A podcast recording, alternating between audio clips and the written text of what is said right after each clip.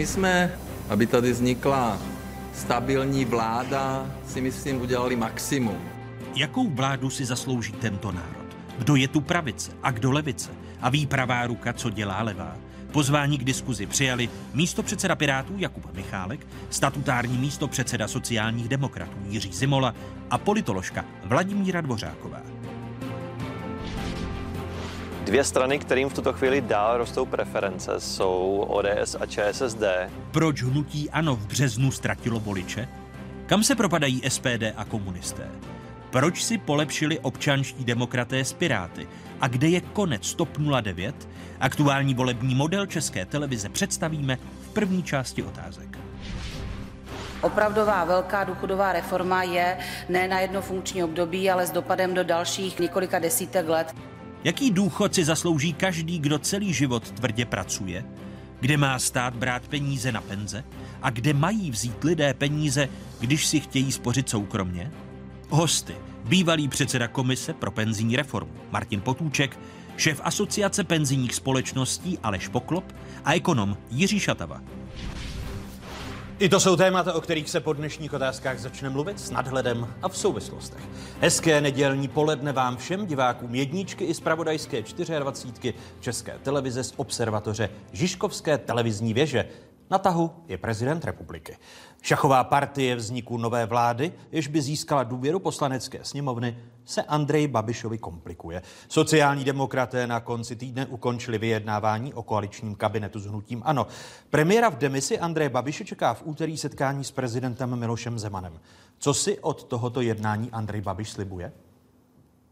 Já jsem požádal pana prezidenta o schůzku a je na něm, jakým způsobem eh, se rozhodne, jestli teda mi dá čas dál vyjednávat a, a jaký bude mít názor. To je rozhodující a taky samozřejmě rozhodující eh, klub poslanců hnutí ANO. Sobotní slova ministerského předsedy v demisi Andreje Babiše. Na vzniku nové Babišovy vlády jsou dál ochotní podílet se komunisté, pokud předseda ANO a premiér v demisi Andrej Babiš dostane od prezidenta republiky Miloše Zemana druhý mandát k sestavení vlády, je KSČM podle předsedy strany Vojtěcha Filipa připravena jednat s Andrejem Babišem o programu. Zatím neodstupujeme z jednání, eh, hledáme eh, dál zbytek programové schody ale máme zásadní otázku, jakým způsobem to představuje nutí ANO, nakolik jsou jejich postoje pevné.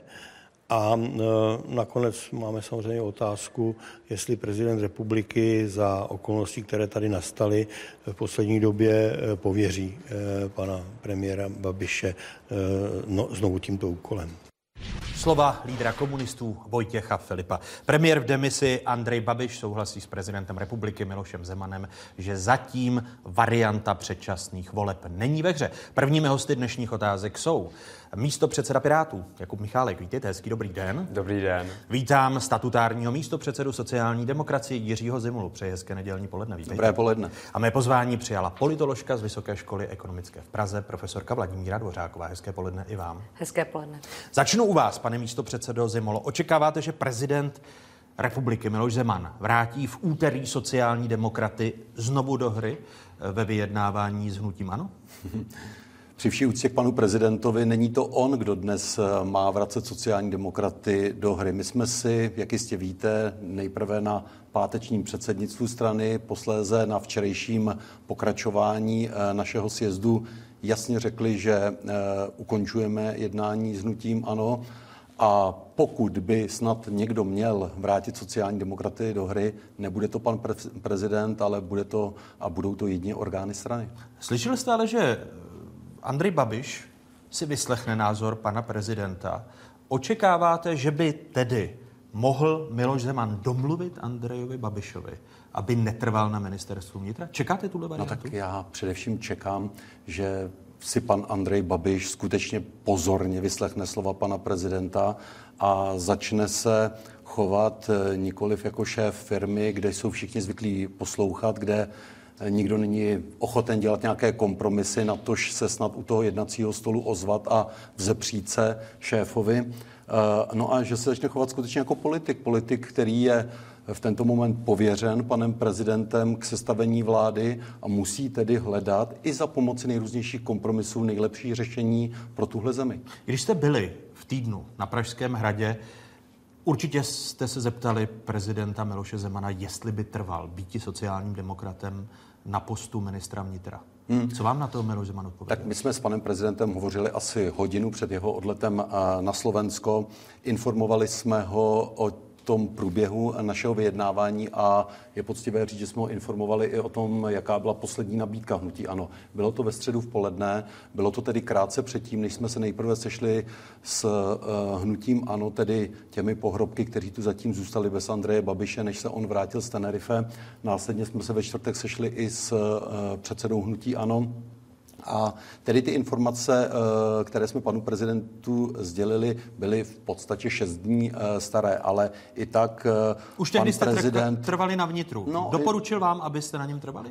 Pan prezident povytáhl obočí nad nabídkou hnutí ANO a snad mohu prozradit, že i on, co by bývalý sociální demokrat, a já říkám stále duchem sociální demokrat, nám asi nedoporučil, abychom takovou nabídku přijali. Jinými slovy, podpořil vás, abyste trvali na postu ministra vnitra? Ne, tak se to určitě říct nedá. On nás nepodpořil v žádném našem požadavku, ne, nepodpořil nás uh, tak, že by vyjádřil jednoznačnou slovní podporu našim požadavkům. Znovu říkám, že pan prezident se podivil na nabídce hnutí ano. Já si to čtu tak, že uh, pověřili Andreje Babiše sestavením vlády, pak také od něj očekával mnohem konstruktivnější jednání a konstruktivnější nabídky pro sociální demokracii. Očekáváte, když tedy dojdeme k závěru této první části, že Miloš Zeman obrazně řečeno domluví Andrej Babišovi a že se Andrej Babiš vrátí k jednacímu stolu s ČSSD? Já bych si to hrozně přál, nikoliv proto, že bych eh, snad chtěl dělat z Andreje Babiše eh, žáčka, který si nechá domlouvat Eh, učitelem, ale přeci jen na politické scéně je Miloš Zeman eh, poněkud déle, jistě má ty zkušenosti a bylo by dobré, pokud se tedy pánové sejdou a pokud o tom budou mluvit, jakože budou, aby Andrej Babiš pečlivě poslouchal, co mu prezident bude říkat. Po úterku očekáváte, že se vracíte do hry? Jako ne, ne znovu, znovu opakuji, o tom musí rozhodnout orgány strany, tedy předsednictvo strany ale to by se mohlo stát eh, snad jedině za podmínky, že by skutečně pan Babiš nejenže předložil nabídku, která by byla koaličně výhodná a byla by dobrá pro tuhle zemi, pro občany téhle země, no ale především by musel opustit svou dosavadní uraženeckou rétoriku, rétoriku zesměšňující své koaliční partnery a dělající z nich eh, jen nikoli v koaliční partnery, ale koaliční přívažky. Jakube Michálku, počítal jsem zhruba 10 možných variant, které jsou ve hře po úterku, kdy se Andrej Babiš sejde s Milošem Zemanem. Od varianty předčasných voleb až po variantu návratu sociálních demokratů k jednacímu stolu. Kterou variantu očekáváte vy po úterku? Já nejsem prognostik, já můžu říct akorát Jste to, politik? co si myslím, co by se mělo stát. A opravdu na, naše česká ústava je postavena na tom, že prezident republiky má pověřit osobu, která dokáže sestavit vládu s důvěrou. A to se tady poměrně dlouhou dobu už neděje, přeci jenom těch pět měsíců, to je i v tom mezinárodním srovnání, už to se to blíží k té hraně. Eh, takže pokud ta jednání, která se nyní vedou, tak neskončí úspěšně, tak si myslím, že by mělo dojít k určité revizi na straně pana prezidenta, jestli by třeba nepověřil někoho, kdo bude mít větší šance sestavit tu vládu, která skutečně získá důvěru. Měl by Andrej Babiš ještě dostat nějaký čas na sestavování vlády, protože Miloš Zeman byl poměrně velkorysý k Andrej Babišovi a řekl mu do června můžete sestavovat druhou vládu, která by získala důvěru. Já myslím, že bychom měli počkat ještě nějaký čas, jak dopadne to jednání, které se v současné době vede, jestli to skutečně skončí tím krachem, o, kterým, o kterém se mluví, ale úloha prezidenta republiky eh, přeci v tomto procesu vyjednávání je být i mediátorem politických stran. Takže prezident republiky by měl jednat eh, s předsedy politických stran, kteří vystupují v tom vyjednávání, případně s jejich vedením, tak, aby se opravdu, abychom se maximálně snažili o to, aby nějaká vláda vznikla, protože to je hlavním úkolem politiků po volbách sestavit stabilní vládu. Kdyby si prezident republiky po úterku pozval vás jako vedení Pirátské strany, co byste mu teď řekli? Vy byste byli ochotni po tom krachu jednání se sociálními demokraty podílet se na nějakém modelu vládnutí? My jsme samozřejmě zvažil, zvažovali, že budeme jako jedna z nejsilnějších stran jednat s prezidentem republiky o nějakém budoucím řešení té situace, protože my opravdu nechceme, aby tady existovala vláda bez důvěry. To je opak toho, co předvídá Ústava České republiky. Takže my jsme ochotni se s prezidentem republiky sejít a diskutovat ty varianty, které jsou pro nás akceptovatelné, protože opravdu politické strany by měly vyvinout maximum úsilí uh, o to, aby nějaká vláda vznikla už to může být. Andrej Babiš tady hovoří o vládě odborníků, takže pokud je pro něj ta priorita, aby vznikla vláda odborníků, tak my jsme ochotní se bavit o nějaké vládě odborníků, pokud třeba e, tam nebudou zrovna trestně stíhaný odborníci a teď podobně. Jsem, teď jsem právě chtěl říct, pokud Takže... by čele té vlády odborníků byl odborník premiér Andrej Babiš, tak eh, to není varianta, kterou ne, ne, to není to. My jsme v tomto konzistentní a my jsme s tím šli do voleb, my jsme měli jasnou povolební strategii a to slovo, které jsme dali voličům, tak držíme. Nicméně eh, chceme být konstruktivní v tom, že pokud se pokud opravdu nebude jiná varianta a ta jednání skončí nějakým krachem, tak pojďme projít ty další varianty, které tady jsou, aby, abychom nesáhli k předčasným volbám, protože předčasné volby samozřejmě zatěžují lidi, nevy, v podstatě nic nevyřeší, protože ty vyjednávací poměry budou stejné a akorát vyhovují politickým stranám, které si za ně vyplatí 450 milionů korun. Tak samozřejmě pro jejich rozpočty jsou výhodné. Jinými slovy, varianta předčasných voleb podle vás je varianta nereálná? Já říkám, že nejdřív se má jednat. Maximálně se má, má se jednat, vynaložit maximální úsilí pro to, aby nějaká stabilní vláda vznikla, která bude mít důvěru pos, poslanecké sněmovny. A my jsme ochotní jednat o těch scénářích, které odpovídají naší povolební strategii. To znamená, nebude to vláda s účastí nebo podporou KSČM, SPD, budou tam sedět opravdu odborníci, nebude tam mít dominantní úlohou uh, ANO, a e, v tomto ohledu si myslím, že takovou vládu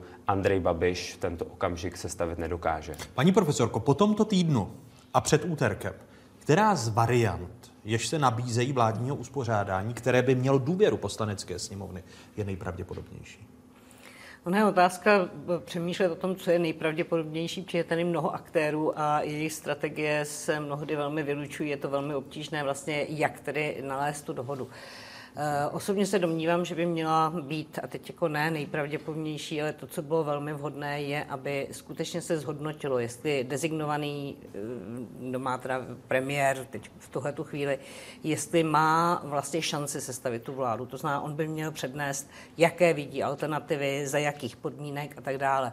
Eh, pan kolega má pravdu, prezident by měl hrát určitou roli toho moderátora, to znamená možná v tuto chvíli se zvat si předsedy politických stran a znát ty jejich strategie, aby mohl vytvářet, řekněme, i určitou šanci, kde, nebo označit, kde vidí tu možnost, jako kde by mohl Možná námitka, průnik. že ta strategie předsedů politických stran je známá, protože eh, předsedové politických stran neříkají poslední měsíce od voleb nic jiného, než to, co neustále opakují. No, já si osobně myslím, že oni ty strategie jsou možná trošku jiné, než to, co se jenom pořád říká na veřejnosti a samozřejmě i při určitých vyjednáváních, vždycky při těch vyjednáváních jsou určité strategie, které ty vyjednávací týmy mají a které samozřejmě neříkají médiím, jako, jako aby to řekli dopředu. Takže tohle je věc, která je podstatná. Eh, my samozřejmě víme, že ta situace se ještě i komplikuje. To, co se vnímalo jako velká silná spolupráce, premiér Babiš, eh, prezident Zeman eh, už zdaleka asi není tak silná blízkost a silná spolupráce. Eh, vidíme tady z politologického hlediska, vidíme opravdu všechny důsledky toho, kdy je navržen premiérem člověk, který je trestně stíhaný. To prostě zužuje alternativy. Těch alternativ i při tom, že zde máme poměrně velké množství politických stran, je roztříštěná ta scéna, tak těch alternativ by tady byla celá řada. Ale to, že vlastně to trestní stíhání je obrovským kamenem, který leží na hnutí ano. A samozřejmě, když potom... Počkejte, ale v, v očích voličů, když se podíváme na to, že Andrej Babiš má důvěru významné části veřejnosti, ano. i přesto trestní přesto, stíhání, tak tomu ale by asi... Eh, zase s ním mají do koalice určití partneři a jejich voliči to vidí jako problém. To znamená, jakýkoliv koaliční partner se dostává do tohoto problému už jenom z hlediska své členské základny a z hlediska svých potenciálních voličů. Takže jestliže to nevadí, řekněme, 35% lidí, kteří volí hnutí ano, takhle můžeme říct, že to může vadit 65% dalších lidí. A to je problém jít do koalice. To je jeden velký problém. Druhý velký problém je způsob eh, vlastně komunikace, to tady už se naznačovalo, a skutečně přístup eh, toho, co pan Babiš považuje za svoji výhodu, to znamená, že on je teda ten člověk úspěšný z biznisu, ale pokud jsem úspěšný biznismen, tak likviduji konkurenci. To politik nemá. Politik musí počítat s tím, že soupeří, ale zároveň spolupracuje. Jak Andrej Babiš likviduje politickou konkurenci? Eh, ve svým podstatě, když si vezmete to vystoupení a jeho, jeho rétoriku, tak ve svým v podstatě vždycky vlastně je to namířeno proti koaličním partnerům, potenciálním koaličním partnerům. Víme to i z minulé vlády, kdy vždycky se tak podíval a říkal, no já vlastně nechápu a nerozumím, proč přistupují tak a tak. Ale já bych nechtěla tady říkat, prostě pan Babiš je eh, vinen za všechno, co se tady děje. Eh, ta situace je samozřejmě i pro to hnutí ano eh, velmi složitá, protože to vyhledávání partnerů není jednoduché. Samozřejmě ty, ta silová ministerstva Některá ministerstva jako ministerstvo vnitra, ministerstvo financí, to jsou prostě klíčové, klíčová ministerstva i pro to vládnutí i z hlediska státní zprávy a, a věcí, které se toho dotýkají. Takže e, ta jejich pozice samozřejmě není, není jednoduchá jako při tom vyjednávání a ty partneři, kteří jsou mnohdy slabší z hlediska procentu hlasů, tak zase chtějí za to, že tady přistoupí na tu skutečnost, že je to trestně stíhaný premiér, tak eh, potřebují tu kompenzaci. A z tohoto hlediska ty argumenty třeba hlediska ministerstva vnitra zněly, nebo aspoň mohly nějakým způsobem uklidnit členskou základu nebo voliče sociální demokracie, i když nevím, jestli by to bylo úplně plnohodnotné. Jakub Michálek eh, vyloučil variantu předčasných voleb, respektive řekl, že je nejzaší možnou. Označila byste předčasné volby za variantu vyloučenou v letošním roce, které by byly spojené, rozumějme, předčasné volby s volbami komunálními? Eh, já bych to v tuhle chvíli nepovažovala za vyloučené. Je to jedna z alternativ a myslím si, že i řada strategií bude trochu jako to brát v úvahu, že můžeme i tím vyhrožovat, nebo může se do toho jít, ale je otázka, za jakých podmínek ty předčasné volby vyvolat. 120 členů ve sněmovně v tuhle chvíli určitě nemáme. Mimochodem skoro Je to ta nejméně pravděpodobná varianta? Je to málo tedy pravděpodobné. Z těch, Samozřejmě, pokud by se postupovalo trochu, jako, jak odpovídá duchu ústavy, to znamená, v tuto chvíli by se usoudilo, že ta není perspektiva, aby pan Babiš sestavil vládu, byl někdo navržen a proběhl druhý pokus, poté případně třetí pokus, tak poté ta cesta vlastně i bez 120 předčasným volbám je vlastně otevřena. Ale říkám, je to velice nepřehledné a zdá se, že eh, vlastně v tuhle tu chvíli nikdo přesně neví, jaké ty strategie přijdou od někud jinak, jak může někdo překvapit. Pane místo předsedo Zimolo, varianta předčasných voleb v letošním roce spojených s komunálními volbami. Pokládám Vy... to za takřka vyloučené. Vyloučil byste ji? Hmm. Pokládám to za takřka vyloučené a to z několika důvodů. Jednak eh, ty volby stojí skutečně nějaké peníze, tři čtvrtě miliardy korun. To prostě není málo. Pan Babiš se tím rád ohání a myslím, že by on první měl eh, býti příkladem v tom, že předčasné volby jsou přece až ta poslední varianta. A tady ještě nebyla snad využitá ani první, druhá varianta. Hrozil vám Andrej Babiš v těch ne, vyjednáváních ne, ne, ne, předčasnými ne, volbami? Nehrozil. To myslím, že, eh, že si každý uvědomuje, že je to ten možná Damoklův meč nad eh, všemi námi. A tím nemyslím jenom politiky, tím myslím i občany České republiky, protože to oni by museli opět jít k volbám a politici by tím prokázali zásadní neschopnost eh, domluvit se, domluvit se. A to je to, je to co my neustále panu Babišovi říkáme, že přece stačí. A nejde teď prosím jenom opozici vůči sociální demokracii. Jde o jeho pozici vůči všem dalším eh, stranám eh, v poslanecké sněmovně. Vyjednávejte. Jestliže zkrachovalo jednání se sociálními demokraty na základě toho, že jste se prostě od začátku s námi dohodnout nechtěl, jednejte si další koaliční partnery, budou-li to občančí demokraté, piráti, anebo třeba komunisté s panem Okamurou, nech to taky, je to jeho odpovědností, ale prostě předčasné volby bych si dovolil skoro vyloučit,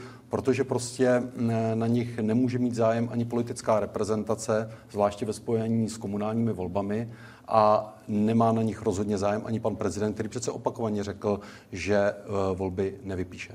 Eh, změnily by předčasné volby situaci v České republice, respektive složení poslanecké sněmovny. Podívejme se na nejnovější volební model České televize v rámci trendů Česka 2018. Tady je hranici nutnou pro vstup do poslanecké sněmovny by podle tohoto aktuálního volebního modelu agentury Kantar TNS pro Českou televizi překročilo 8 politických stran a hnutí, tedy O jednu politickou stranu by ve sněmovně bylo méně.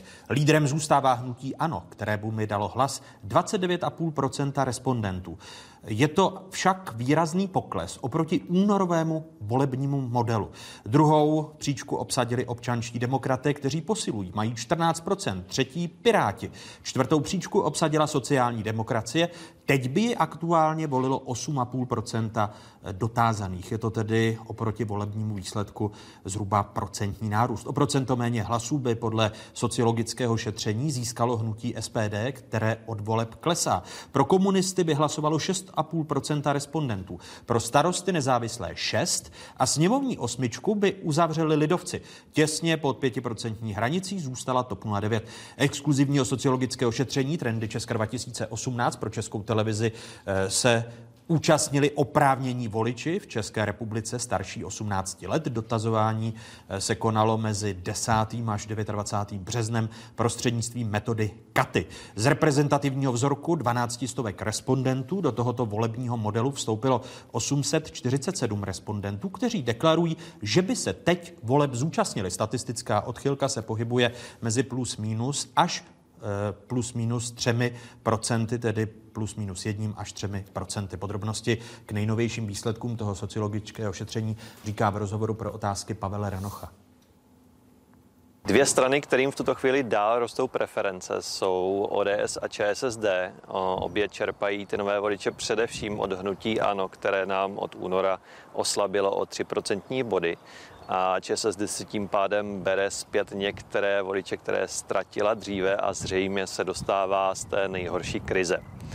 Naopak v poklesu pokračuje SPD, jejíž preference se zastavily eh, kolem 7,5% bodu.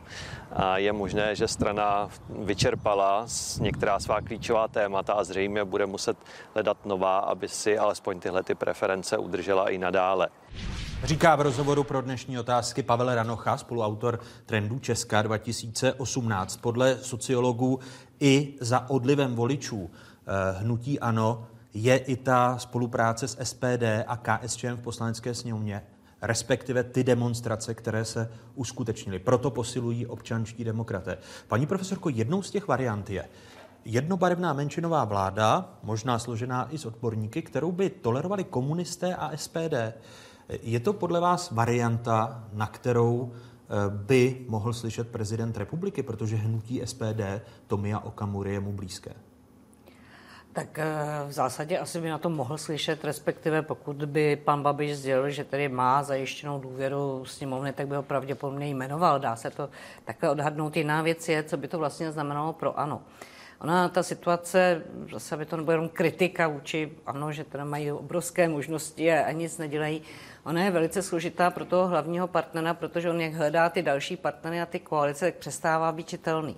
On přestává být vnímán, jako co vlastně chce. Na jednu stranu bude hovořit tedy o tom, že tam chce odborníky, na druhou stranu začne přemýšlet, co tedy dá koaličním partnerům. To je prostě e, určitý problém, který je v rozporu a ti voliči najednou to, to nečtou dobře.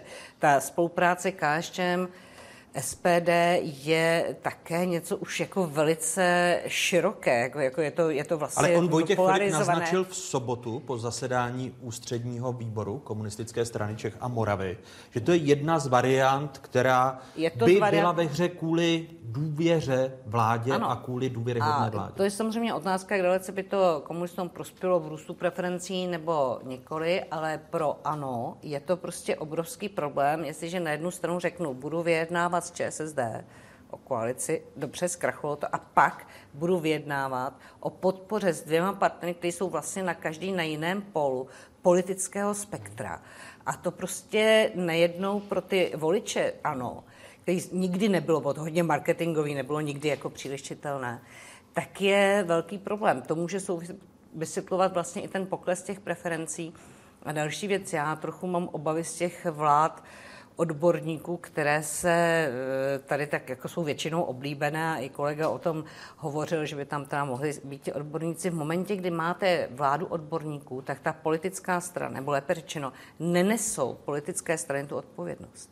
Vlastně ty politické strany ve vládě mají ten smysl, že nesou odpovědnost za to vládnutí. A momentě... Vy Jakubu Michalkovi rozmlouvala vládu Já bych odborníků, vládu odborníků opravdu nepovažuji za dobrou. Navíc teda pak jsem měl vládu odborníků pana Rostoka, která vlastně byla úplně mimo a nezískání důvěru eh, ve sněmovně.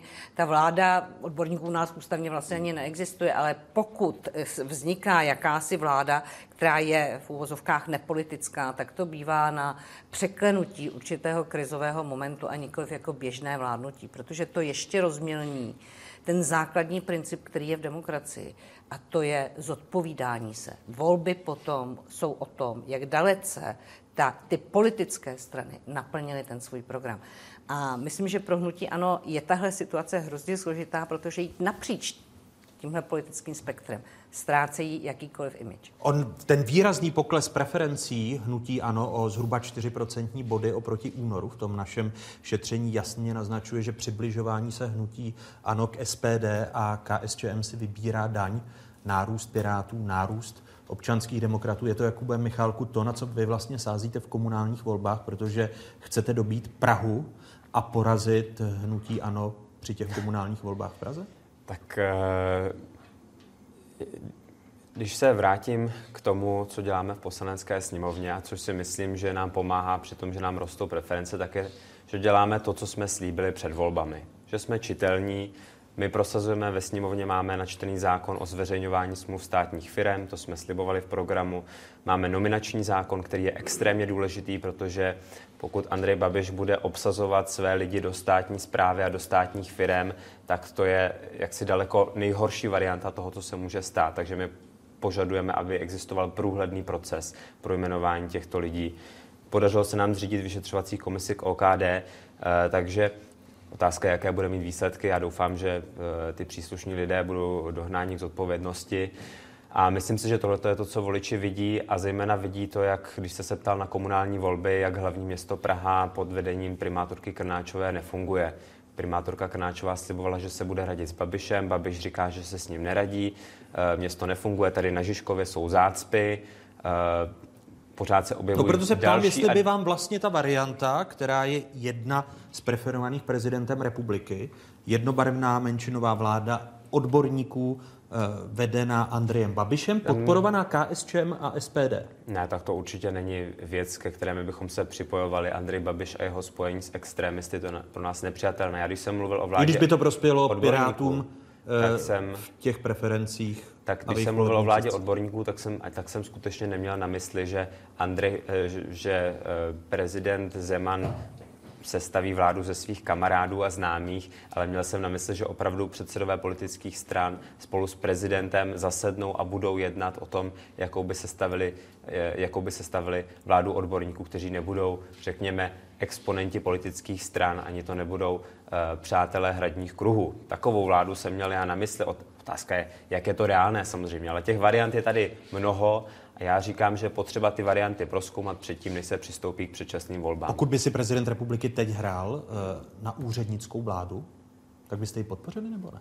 To, takhle, my určitě nepodpoříme eh, to, že za náma přijde pan prezident a řekne, tady mám takovýhle seznam a dejte mi pro něj hlasy. To je věc, o které se skutečně musí jednat na úrovni těch politických stran, které mají v poslanecké sněmovně ty hlasy, že dají dohromady důvěru tě, té vládě. A samozřejmě, když někdo usiluje o to, aby vznikla vláda s důvěrou, tak musí jednat s těmi politickými stranami. Ale my jsme ochotní samozřejmě jednat o všem, co je v souladu s naší povolební strategií. My jsme byli vždycky konstruktivní, i konkrétní zákony jsme připravili pro Andreje Babiše, včetně toho nominačního zákona, zveřejňování smluv státních firm, takže v tomhle tom my jsme maximálně konstruktivní.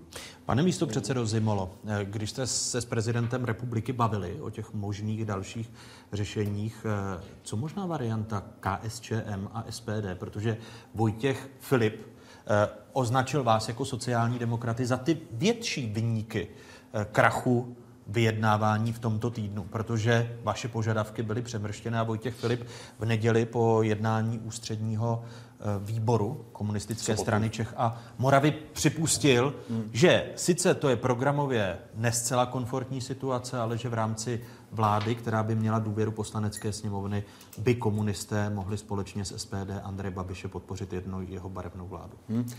Víte, mně se úplně nechce hodnotit slova předsedy komunistické strany pronášená kolik týden, dva před jejich eh, sjezdem. No, počkejte, ale vy se podle toho také musíte jako sociální demokraté zařídit, se, ano, to my pokud se chcete být součástí vládního chci, řešení. Chci jen dokončit tu myšlenku. Eh, víte, hodnotit slova pronášená po jednání jejich nejvyššího orgánu mezi sjezdy, tedy ústředního výboru, zvláště za situace, když pan předseda eh, bude po nejhorším jejich volebním výsledku obhajovat svou pozici, eh, to asi mi nepřísluší zrovna tady u vás v diskuzním pořadu komentovat a jistě chápete, že na to máme jako sociální demokraté nějaký názor. Co ale, eh, na co rád odpovím, je ta varianta, kterou jste zmínil, tedy varianta eh, hnutí ano, tolerovaná eh, komunisty a stranou, a stranou pana Okamury. Já jsem zaznamenal, a nejen v médiích, ale i z rozhovorů s lidmi, ať již členy hnutí ANO, či jejich sympatizanty nebo voliči, že to není varianta, kterou zrovna oni by uvítali s radostí.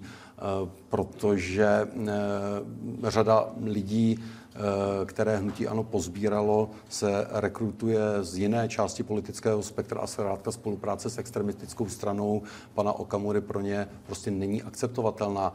Čili pan Filip možná tahle slova pronáší jako, jako slova s ohledem na jejich sjezd a jejich pozici, ale mm, nemyslím si, že by zrovna k téhle variantě a zejména s přihlédnutím k hnutí ANO a konec konců i k těm průzkumům, které teď jsou pro hnutí ANO takové, jaké jsou, že k ní dojde.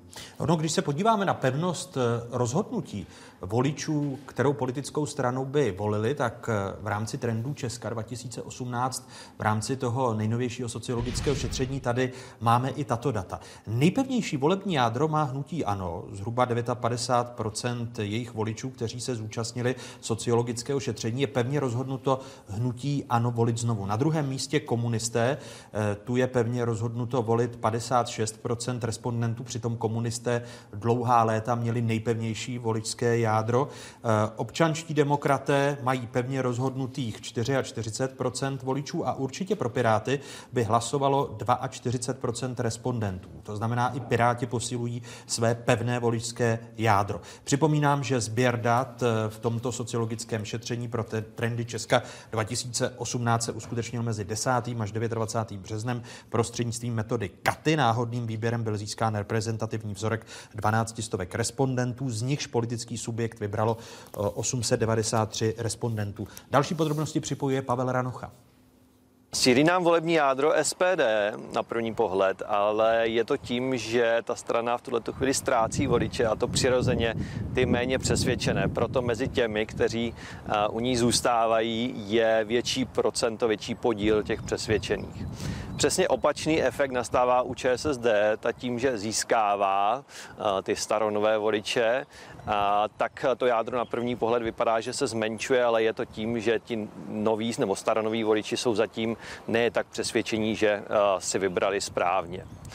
Docela silné jádro mají také Piráti, přestože jde o novou stranu, minimálně co se týče parlamentního působení a možná nejsou ještě tak čitelní, ale dá se říct, že nemají až s takovou konkurenci. Jejich voliči v podstatě nemají moc jiných variant, kam přejít. Říká v rozhovoru pro dnešní otázky Pavel Ranocha, eh, spoluautor trendu Česka 2018, místo předseda, statutární místo předseda sociálních demokratů Jiří Zemola naznačil, že si eh, myslí, že by Andrej Babiš si neměl pohrávat příliš s tou jednobarevnou vládou podporovanou SPD a KSČM i kvůli tomu, že se to nemusí jeho voličům líbit. Ale kdybych vám namítl, že se hnutí ano posouvá k SPD a ke KSČM vezměte si tolik kritizovanou spolupráci v poslanecké sněmovně, o čemž ještě budeme mluvit a zároveň odchod některých výrazných tváří vys rozhodnutí Roberta Pelikána, který řekl, že se liší s hnutím eh, ANO, rozchází, končí v politice Pavel Telička, který opustil hnutí ANO. Není to tak, že pro Andreje Babiše, když bude mít vnitro, je to to nejpohodlnější varianta? Může to tak eh, vypadat, ale znovu chci eh, připomenout to, jak já se bavívám eh, s členy hnutí ANO, že ten pohled nemusí být až opravdu takový, že by skutečně se přibližovali k, eh, ke komunistům a k SPD, ale to je na nich. Eh, oni zkrátka jsou teď těmi, kteří vyhráli volby, myslím tím hnutí ano, oni nechce pokoušejí mm, přicházet s nějakými eh, řešeními. My jsme byli jako sociální demokraté připraveni a možná, že to je i důsledek těch našich alespoň o, ně, o, ně, o několik... Jedno procento. Ano, ano, o několik, chtěl jsem říct, desetin procent eh, rostoucích preferencí, být konstruktivním partnerem, který přichází s nějakými řešeními. Udělali jsme řadu kompromisů, řadu ústupků a m, mm, eh, přesto se m, eh, vyjednavači z nutí ano té spolupráci postavili tak, jak se postavili. Dokonce je e, obvinuji z toho, že od začátku se dohodnout e, nechtěli a že zkrátka nebyli ochotni připustit jakékoliv e, kompromisy. No tak nechci teď hledají jiné partnery. Budou-li to komunisté, kteří třeba po sjezdu přijdou s nějakými novými trendy, anebo bude-li to hnutí pana Okamury, tak ať to tak je. Nemyslím si ale, že to je dobré řešení pro Českou republiku. Jakube Michálku, funguje v poslanecké sněmovně ještě tato vámi také po volbách kritizovaná trojkoalice Hnutí Ano, SPD a KSČM. Ptám se v návaznosti na to, že příští týden čeká poslaneckou sněmovnu hlasování o e, šéfovi kontrolní komise pro GIPS, kvůli kterému se v únoru demonstrovalo, respektive v březnu demonstrovalo na Václavském náměstí což, čehož odrazem může být i pokles preferencí hnutí ano. Já myslím, že určitě funguje. Já připomenu příklad z poslední doby, kdy jsme na petičním výboru měli uh, novelu zákona o registru smluv, která by zavedla zveřejňování smluv státních firm, jako je ČES. No a kdo myslíte, že hlasoval proti tomuto návrhu? To znamená pro zamítnutí registru smluv. No byli to uh, byli to poslanci ANO, SPD a KSČM na tom jednání petičního výboru.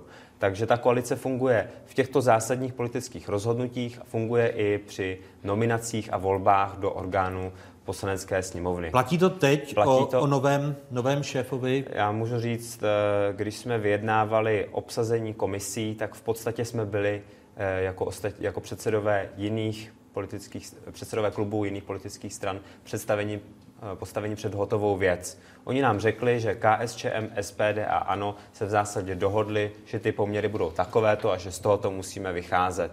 To znamená, komunisti potom dostali ten eh, například mandátový a imunitní výbor, který byl ožehavý kvůli trestnímu stíhání Andreje Babiše.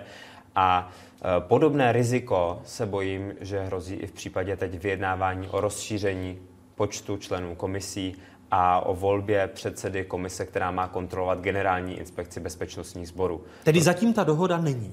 Eh, příští týden, když se bude volit, eh, po té šlamastice eh, s komunistickým poslancem a členem komise pro kontrolu GIPS, Ondráčkem, když se bude volit tedy nový předseda, tak dohoda tady stále není. Dohoda není. Já jsem měl jednání s panem Faltínkem. Pan Faltínek mi řekl, že eh, staví vlastního kandidáta, ačkoliv dohoda všech předsedů klubů byla taková původně, že eh, v čele komisí, které mají kontrolovat činnost vládních agentur nebo vládě podřízených agentur, bude zástupce opozice.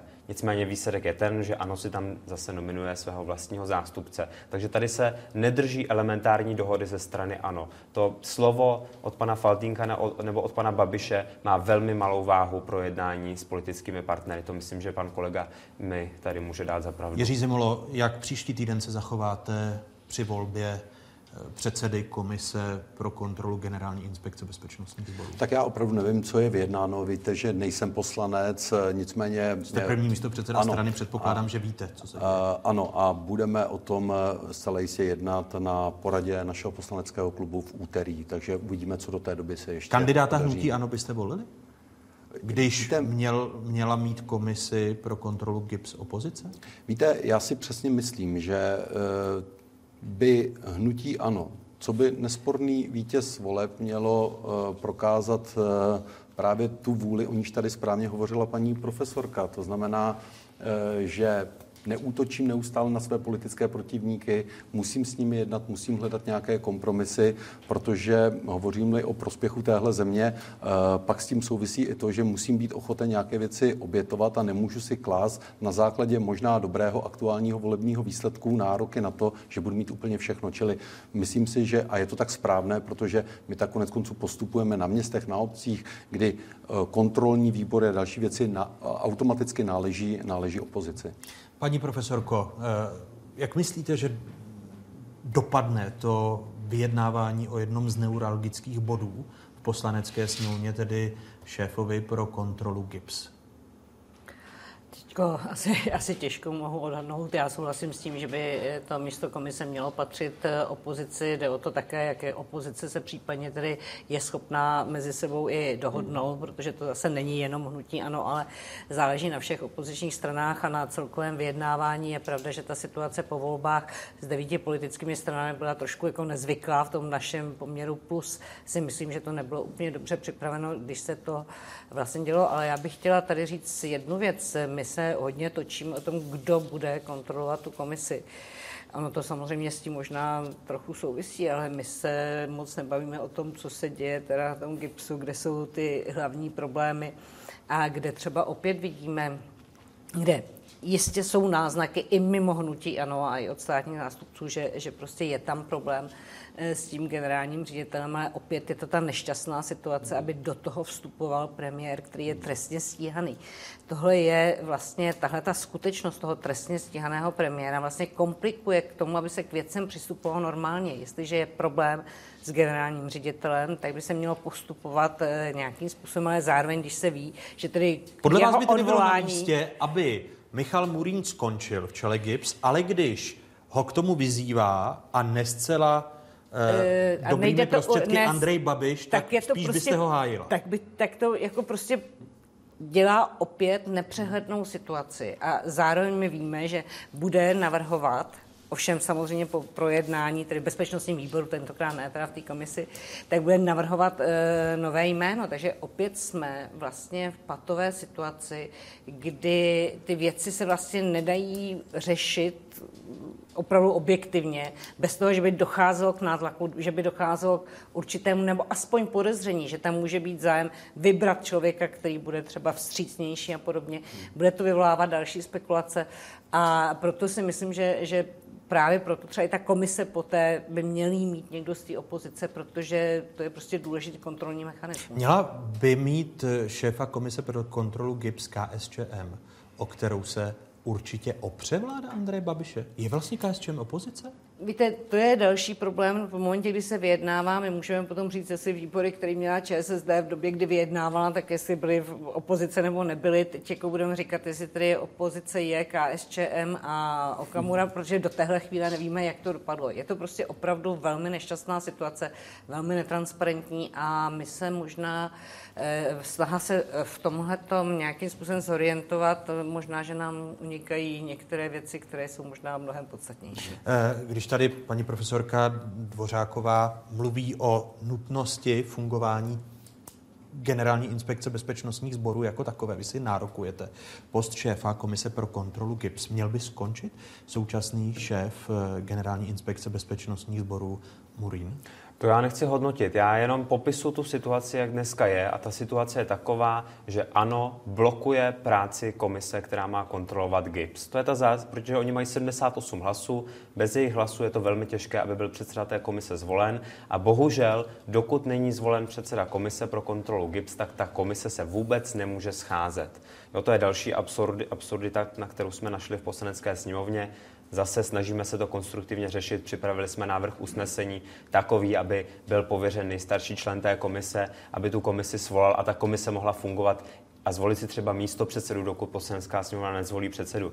Já jsem jednal samozřejmě, snažíme se to vyřešit konstruktivně jednáním, jak, se, jak mluvila paní profesorka. Já jsem měl jednání s předsedou klubu ODS, panem Stanjurou a apeloval se na ně, apeloval jsem na ně, pro boha, pojďme se dohodnout, ať eh, obsadíme funkci předsedy té komise, ať ta komise může začít fungovat. Protože Uspěl jste už pokud, občanský demokrat? Uh, pan předseda říkal, že to projednají na svém klubu, ale já si myslím, že to je extrémně důležité, ať už to bude člověk z ODS nebo od Pirátů nebo z jiné strany, uh, která má hodně poslanců, ale ta komise musí začít fungovat, aby existovala reálná kontrola, protože my jsme šli do voleb s tím, že chceme kontrolu moci a mocných a teď tady máme generální inspekci bezpečnostních sborů, která odpovídá pouze premiérovi a kontrolní orgán, který podle zákona má fungovat, tak je zablokovaný. To je obrovský potenciální problém. My se bavíme o generální inspekci bezpečnostních sborů. Je to ministerstvo vnitra, které se také stalo neuralgickým bodem v těch vyjednáváních. E, připomínám, že sociální demokraté si nárokovali post ministra vnitra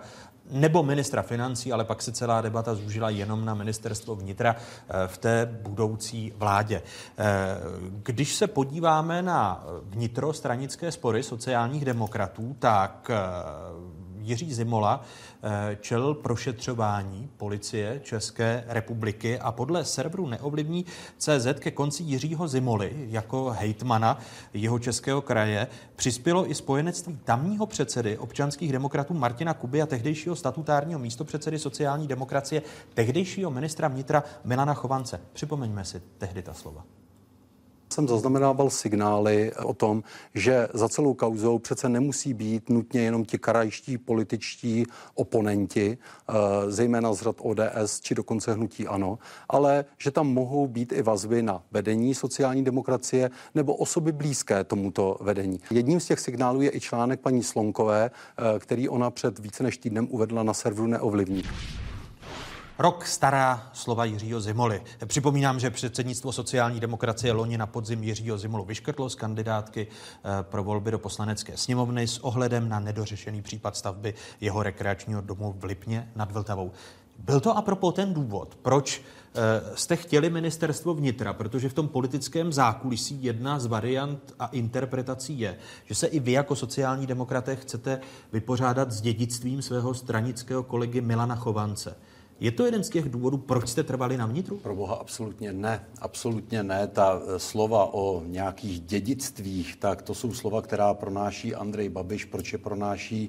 No o tom můžeme spekulovat, ale já v tom mám celkem jasno. Ten důvod, proč eh, sociální demokraté ve vyjednávání přece chtěli nějaký silový rezort a proč se to tedy nakonec, eh, nebo nakonec se hovořilo buď o ministerstvu vnitra nebo ministerstvu financí, nejlépe o obou, plus Ministerstvo spravedlnosti, tak to byla záležitost týkající se trestně stíhané osoby v čele vlády. Andrej Babiš vám ale nabídl právě spravedlnost, protože on říká, teď je klíčovější rezort spravedlnosti, když ano. už chcete vy jako sociální demokraté hrát hru na trestně stíhaného premiéra, nikoli ministerstvo vnitra. Proč jste nekývli na spravedlnost? Víte, o tom, eh, jaká ministerstva nám Andrej Babiš eh, eh, nabízel, no tak o tom si jednou budeme, budeme povídat, ale On vám nenabídl spravedlnost? Ne, ono je zajímavé, pane doktore, povídat si o tom, jaká to byla ministerstva. A ku podivu to vždy byla ministerstva, kde on řeší nějaký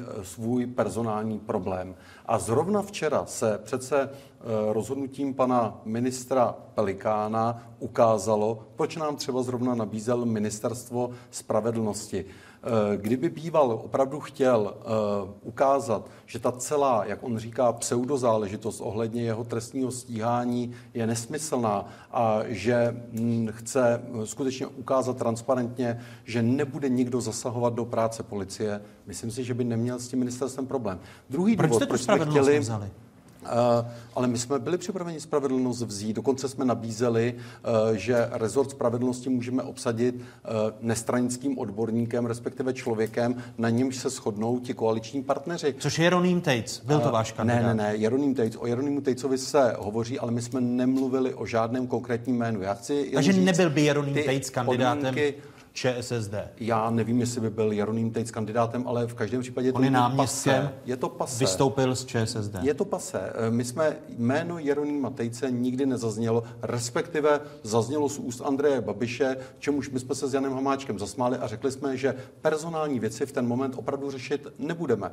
Ale my jsme chtěli ministerstvo vnitra nebo rezort eh, financí právě s odvoláním na záležitost týkající se vyšetřovaného dotačního podvodu. Je tedy logické, že to byly tyhle dva rezorty. A musím říct, že už i ten náš požadavek, který dnes právě ta marketingová maš- mašina hnutí ANO dává do souvislosti s nějakými záležitostmi, které jste zde e, citoval, tak eh, bylo jen a jen proto, abychom eh, my eh, mohli garantovat nezávislost vyšetřování i nyní těch policistů, kteří se na tom stále ještě podílejí, kteří budou vyšetřovat, že to nejsou jenom státní zástupci.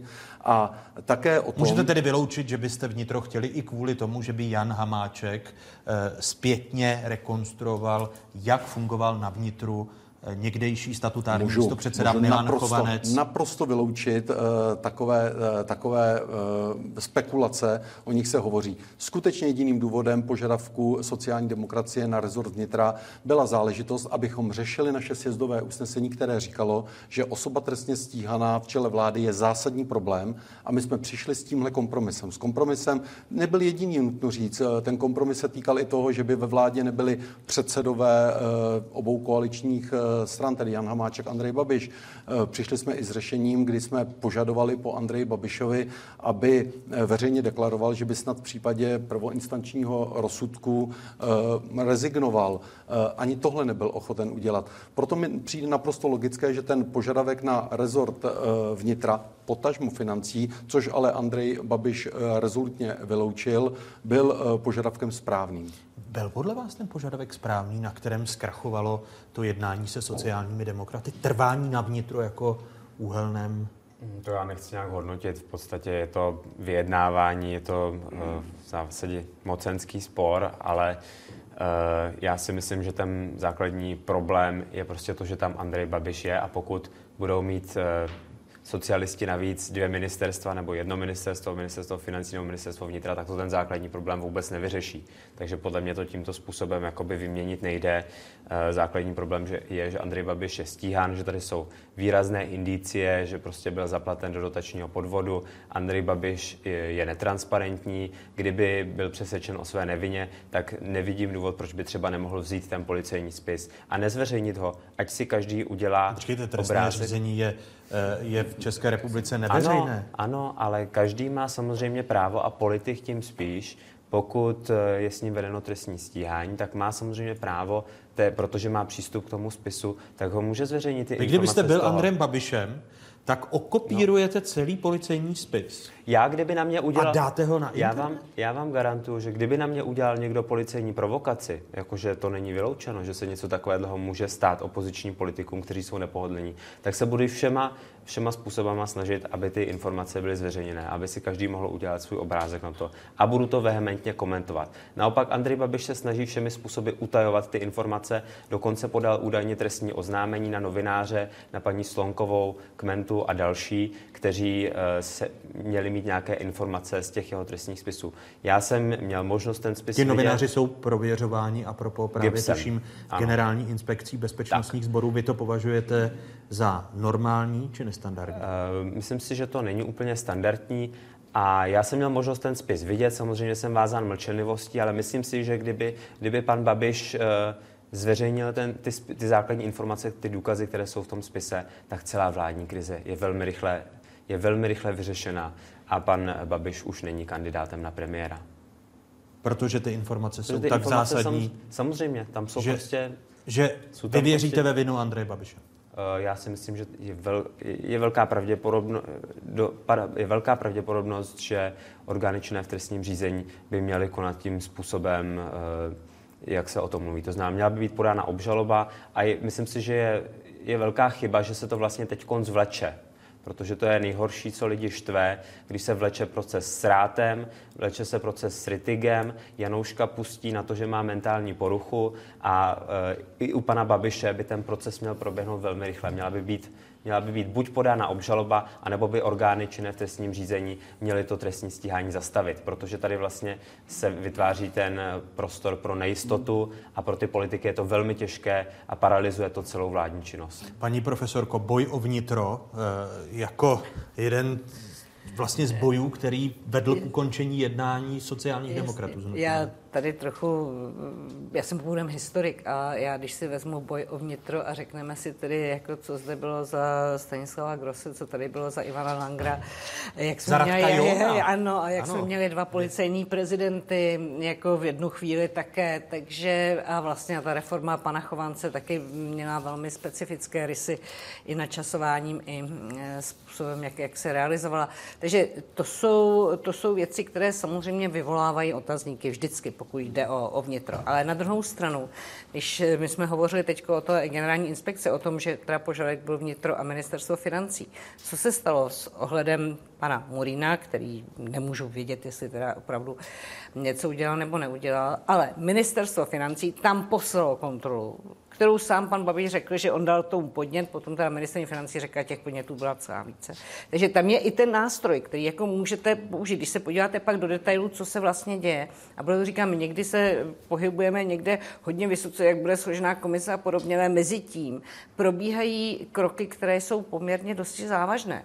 A to, jestli teda ministerstvo financí může být využito k tomu, aby se dostal pod kontrolu nebo dostal se pod nátlak, ředitel generální inspekce. A skutečně ty podněty nebylo jasné, odkud přišly a původně řekl pan Babiš, potom teda to žehlila paní ministrině financí, že, že ty podnětů byla celá řada. Takže to jsou věci, které prostě v případě toho trestně stíhaného premiéra není divu, že koaliční partner chce mít tyto věci pod kontrolou. To prostě je běžné. O tom, že ministerstvo vnitra bylo velmi zneužíváno tady jako pro politické hrádky, pro prosazování politických věcí, pro zametání nějakých věcí. Minimálně tedy, jak jsem jmenovala ty bývalé ministry vnitra, tam prostě těch věcí byla celá řada rušení týmu, rušení finanční policie, Eh, právě snaha, snaha ovlivňovat i tu generální inspekci a tak dále, uniky informací. Tohle to jsou všechno věci, to je realita uh, naší země, takže to musíme brát samozřejmě také No, když se podíváme, jít či nejít do vlády s trestně stíhaným uh, premiérem Andrejem Babišem, to bylo dilema, které sociální demokraté řešili. Připomeňme si v čase, jak toto dilema řešili Jiří Zimola. Mm-hmm. Umím si představit uh, tu pozici ve vládě, tedy podporovat vítěze voleb, jít s ním do koalice s premiérem Babišem a bavili jsme se o tom, nakolik se mohou naše programové priority potkat a jsem rád, že jsme se nerozešli ve zlém a že jsme si slíbili další, uh, další jednání. Já jsem rád, že jsme si nezavřeli vrátka k dalšímu jednání. Chceme-li zabránit tomu, aby vznikla menšinová vláda eh, tolerovaná eh, hnutím pana Okamury, eh, pak jsme připraveni vyjednávat s hnutím ANO. Je jasné, že ANO chce prosazovat levicový program a je tudíž jasné, že ji může prosazovat ze sociální demokracií. Bavíme se tedy o tom, jaký bude absolutní počet těchto ministerských křesel, ale také jaká to budou křesla. A konečně pak i ty naše adepty na tato ministerstva. A teď Jiří Zimolo, pokud byste byli vráceni do hry, nebo byste se vrátili do hry, tak eh, jaký by byl požadavek vůči trestně stíhanému premiérovi? Měnila by se ta situace, hmm. když tady Jakub Michálek řekl, že jedno, dvě ministerstva navíc prostě nevyřeší ten zásadní problém? No, já hlavně děkuji České televize za ten časozběr, protože on krásně ukázal, že že jsem v těch svých názorech naprosto konzistentní. Tadyhle se Vy jste byli poměrně tolerantní právě k Andreji ano, Babišovi. Ukazovala se tam možnost vytvoření uh, koaliční vlády mezi hnutím ANO, které prostě sebralo sociální demokracii, jak voliče, tak program s, právě ze sociální demokracií. Proto možná se také podařilo najít poměrně rychle tu programovou schodu možná v 90, 95%, když odečtu záležitosti daňové problematiky, tam ta schoda z logiky věci nebyla. Z druhé strany i my jsme přišli s tím kompromisem, že hold vítěz voleb je vítěz voleb a i on musí nějaké věci si ponechat. No a co se týká, co se týká právě té, té záležitosti, o níž jste hovořil, nakolik by znovu sociální demokracie mohla být vrácena ze hry a jaká by byla, do hry a jaká by byla tedy její pozice. Musím znovu zopakovat to, co jsem řekl. Změnila by se ta pozice no, k trestně stíhanému premiérovi? Jasná odpověď ano nebo ne? Ne, ne, ne, ale to, na to se dá, nedá jasně odpovědět, protože to je to by. My, my nesedíme u jednacího stolu. My jsme ukončili jednání pokud by ta jednání, pokud by vůbec ta jednání měla být znovu zahájena, musí o tom rozhodnout předsednictvo strany a to by o tom rozhodovalo nikoliv jen proto, že by pan Babiš přišel, napsal nám dopis nebo by nás hezky požádal, pojďte si zase sednout, ale on už by musel říct skutečně nějaké jasné podmínky. A já předpokládám, že tou první a hlavní podmínkou by byla záležitost týkající se jeho osoby. A tady musím souhlasit s Jakubem Michálkem. Já bych si taky strašně přál uh, pro tuhle tu zemi, aby soudy, případně státní zástupci tady pracovali opravdu rychle, aby ta záležitost byla co možná nejdříve vyřešena. Jinými slovy, teď, aby vy jste jako člen předsednictva je. hlasoval pro navrácení se sociálních demokratů hmm. k jednacímu stolu, hmm. tak teď už by tou podmínkou měla být neúčast Andreje Babiše ve vládě. Myslím si, myslím si, že, a jak jsem i včera četl atmosféru sjezdu, už asi jiná cesta není. Tedy vláda bez Andreje Babiše, pokud by se jí účastnili sociální demokraté. Tak to je. Eh, přepněte si na spravodajskou 24, kdy tato slova dále rozebereme. Jiří Zimola, Jakub Michálek i profesorka Vladimíra Dvořáková zůstávají hosty hlavní části tohoto pořadu. Pokračujeme po stručných zprávách na spravodajské 24 a řeč bude i o nekonečném příběhu reformy důchodů.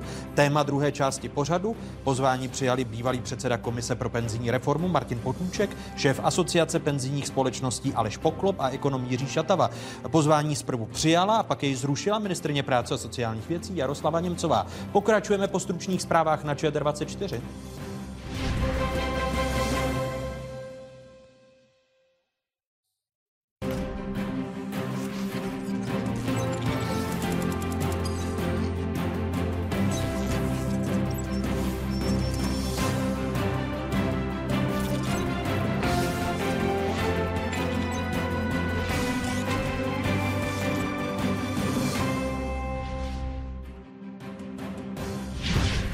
Abychom takovou podporu mohli dát, tak musí mít úplně jasno jak o programu, tak o složení vlády.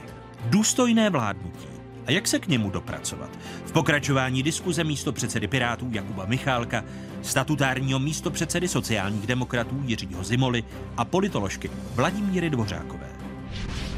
Ta reforma by měla být razantní, nikomu se do toho moc nechce. Důstojný důchod. A kde na něj vzít? Hosty otázek bývalý předseda Komise pro penzijní reformu Martin Potůček, šéf Asociace penzijních společností Aleš Poklop a ekonom Jiří Šatava. I to jsou témata, o kterých se po dnešních otázkách začne mluvit s nadhledem a v souvislostech. Ještě jednou vám všem divákům z Pravodajské 24. hezké nedělní odpoledne u druhé hodiny otázek z observatoře Žižkovské televizní věže. Vyjednávání se sociálními demokraty skončilo. Pokud by se sociální demokraté vrátili do hry, tak by asi neměl být premiérem trestně stíhaný Andrej Babiš. To jsou slova Jiřího Zimoli z první hodiny otázek. Jak se vyvíjel postoj sociálních demokratů k Andreji Babiš Babišovi eh, při vyjednáváních o vládě. Začalo to usnesením sjezdu ČSSD před měsícem a půl. Podívejme se. Sjezd považuje účast trestně stíhaných osob ve vládě České republiky za zásadní problém. To, co nám uloží sjezd, je prostě svaté, to tak v sociální demokracii, respektive demokratické straně je a e, my se určitě s panem předsedou tím budeme řídit. My celou dobu říkáme, že účast trestně stíhaného politika ve vládě je zásadní problém. Konec konců toto usnesení jsem já sám navrhoval a sjezd mi ho schválil. Stále trvá e, naše stanovisko, které máme potvrzeno usnesením sjezdu. Je to pro nás zásadní problém. Stále očekáváme e, odpověď od hnutí ANO, jak chce řešit řešit eh, otázku trestního stíhání pana předsedy eh, i ve vztahu k možnému složení personálnímu příští vlády. Pokud eh, hnutí ano nechce ustoupit a máme hledat nějakou možnou schodu nebo nějaké možné, možné řešení, tak je to o tom, že ten, ta otázka trestního stíhání po případě střetu zájmu bude vyřešena tím, že sociální demokracie bude mít v té případné vládě kontrolu buď ministerstva vnitra nebo ministerstva financí. Andrej Babiš řekl, že do smrti bude kandidovat na premiéra. My říkáme, že zase do smrti nám to bude vadit a jsem zvědavý, jaké řešení kolegové nabídnou.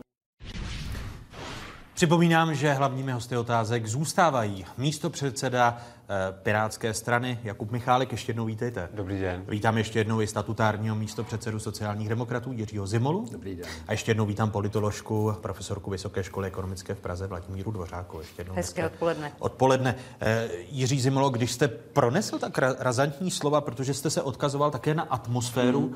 pokračování sjezdu, který jste měli v sobotu, tedy že podle vašeho názoru, pokud by se sociální demokraté měli vrátit do hry, tak by premiérem neměl měl být Andrej Babiš. Eh, co kdybych vám namítl, že tím ta jednání a návrat k jednacímu stolu vylučujete, protože hnutí ano trvá na Andrej Babišovi a máme v politice asi eh, nemáme žádnou jinou jistotu, téměř stoprocentní než tuto. Ale eh, já vám musím vaše slova potvrdit, protože my jsme zrovna včera řekli, že ukončujeme jednání a prosím, aby to bylo vzato se vší vážností eh, na vědomí. My se prostě v tenhle moment k žádnému jednacímu stolu eh, nevrácíme. Počkejte, ale to, razan, to razantní prohlášení, ano. kdyby vám Andrej Babiš teď nabídl rezort vnitra, tak se očekávalo, že byste se vrátili k tomu jednacímu. Andrej Babiš nám žádný rezort vnitra v tenhle moment nenabízí a pokud by přišel a znovu zopakuji to, co jsem říkal před několika minutami, Musela by to být nabídka, o níž by rozhodovalo předsednictvo a už by to nebyla velmi vágní nabídka. Muselo by to být něco naprosto konkrétního.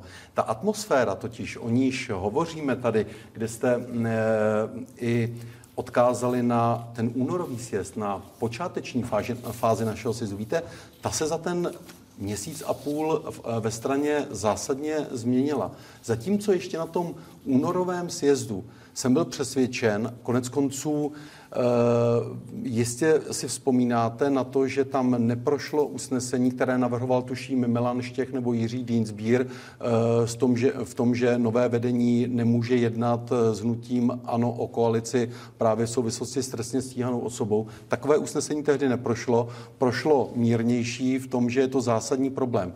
A za těch sedm týdnů k dubnovému pokračování sjezdu se podle mého názoru atmosféra ve straně změnila uh, a převáželo, převáželo, převáželo přesně to, že s trestně stíhaným uh, předsedou vlády je to prostě pro sociální demokracii velký problém, ale proč, to, proč se to stalo? Já myslím, že k tomu velikou měrou přispěl právě pan Babiš svým způsobem vyjednávání svou neochotou udělat jakékoliv kompromisy, neochotou přistoupit eh, na námi nabízené ústupky, záležitosti. O nich jsem tu opět už hovořil, nebudu je tedy opakovat. Eh, svým, svými neustálými výpady eh, vůči nám, co by potenciálním koaličnímu partnerovi, ale také tím, co tady bylo, tuším, že to říkala paní profesorka, tou nečitelností, na níž my jsme samozřejmě poukazovali a na níž poukazovali naši členové. Vzpomeňme, kdy on říkal, no tak si je poslechnu, ale vlastně jim nic nedám, ani nevím, jestli s nimi chci do vlády.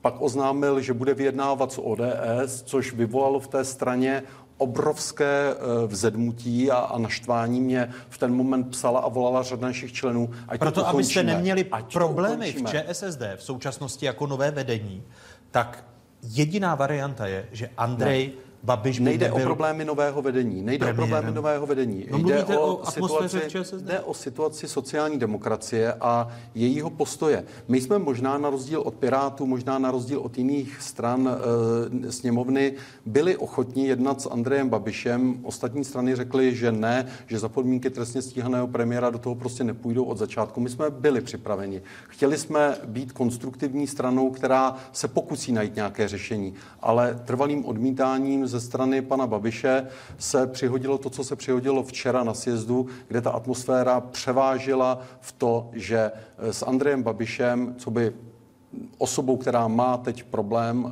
s trestním stíháním, prostě spolupracovat nechceme. Prezident republiky Miloš Zeman naznačil, že Andrej Babiš má Eh, když je pověřen teď eh, vyjednáváním o sestavení druhé vlády, která by získala důvěru poslanecké sněmovny, že má k dispozici čas přibližně do léta. Podívejme se, jak jsou lidé spokojeni či nespokojeni se současnou politickou situací v České republice.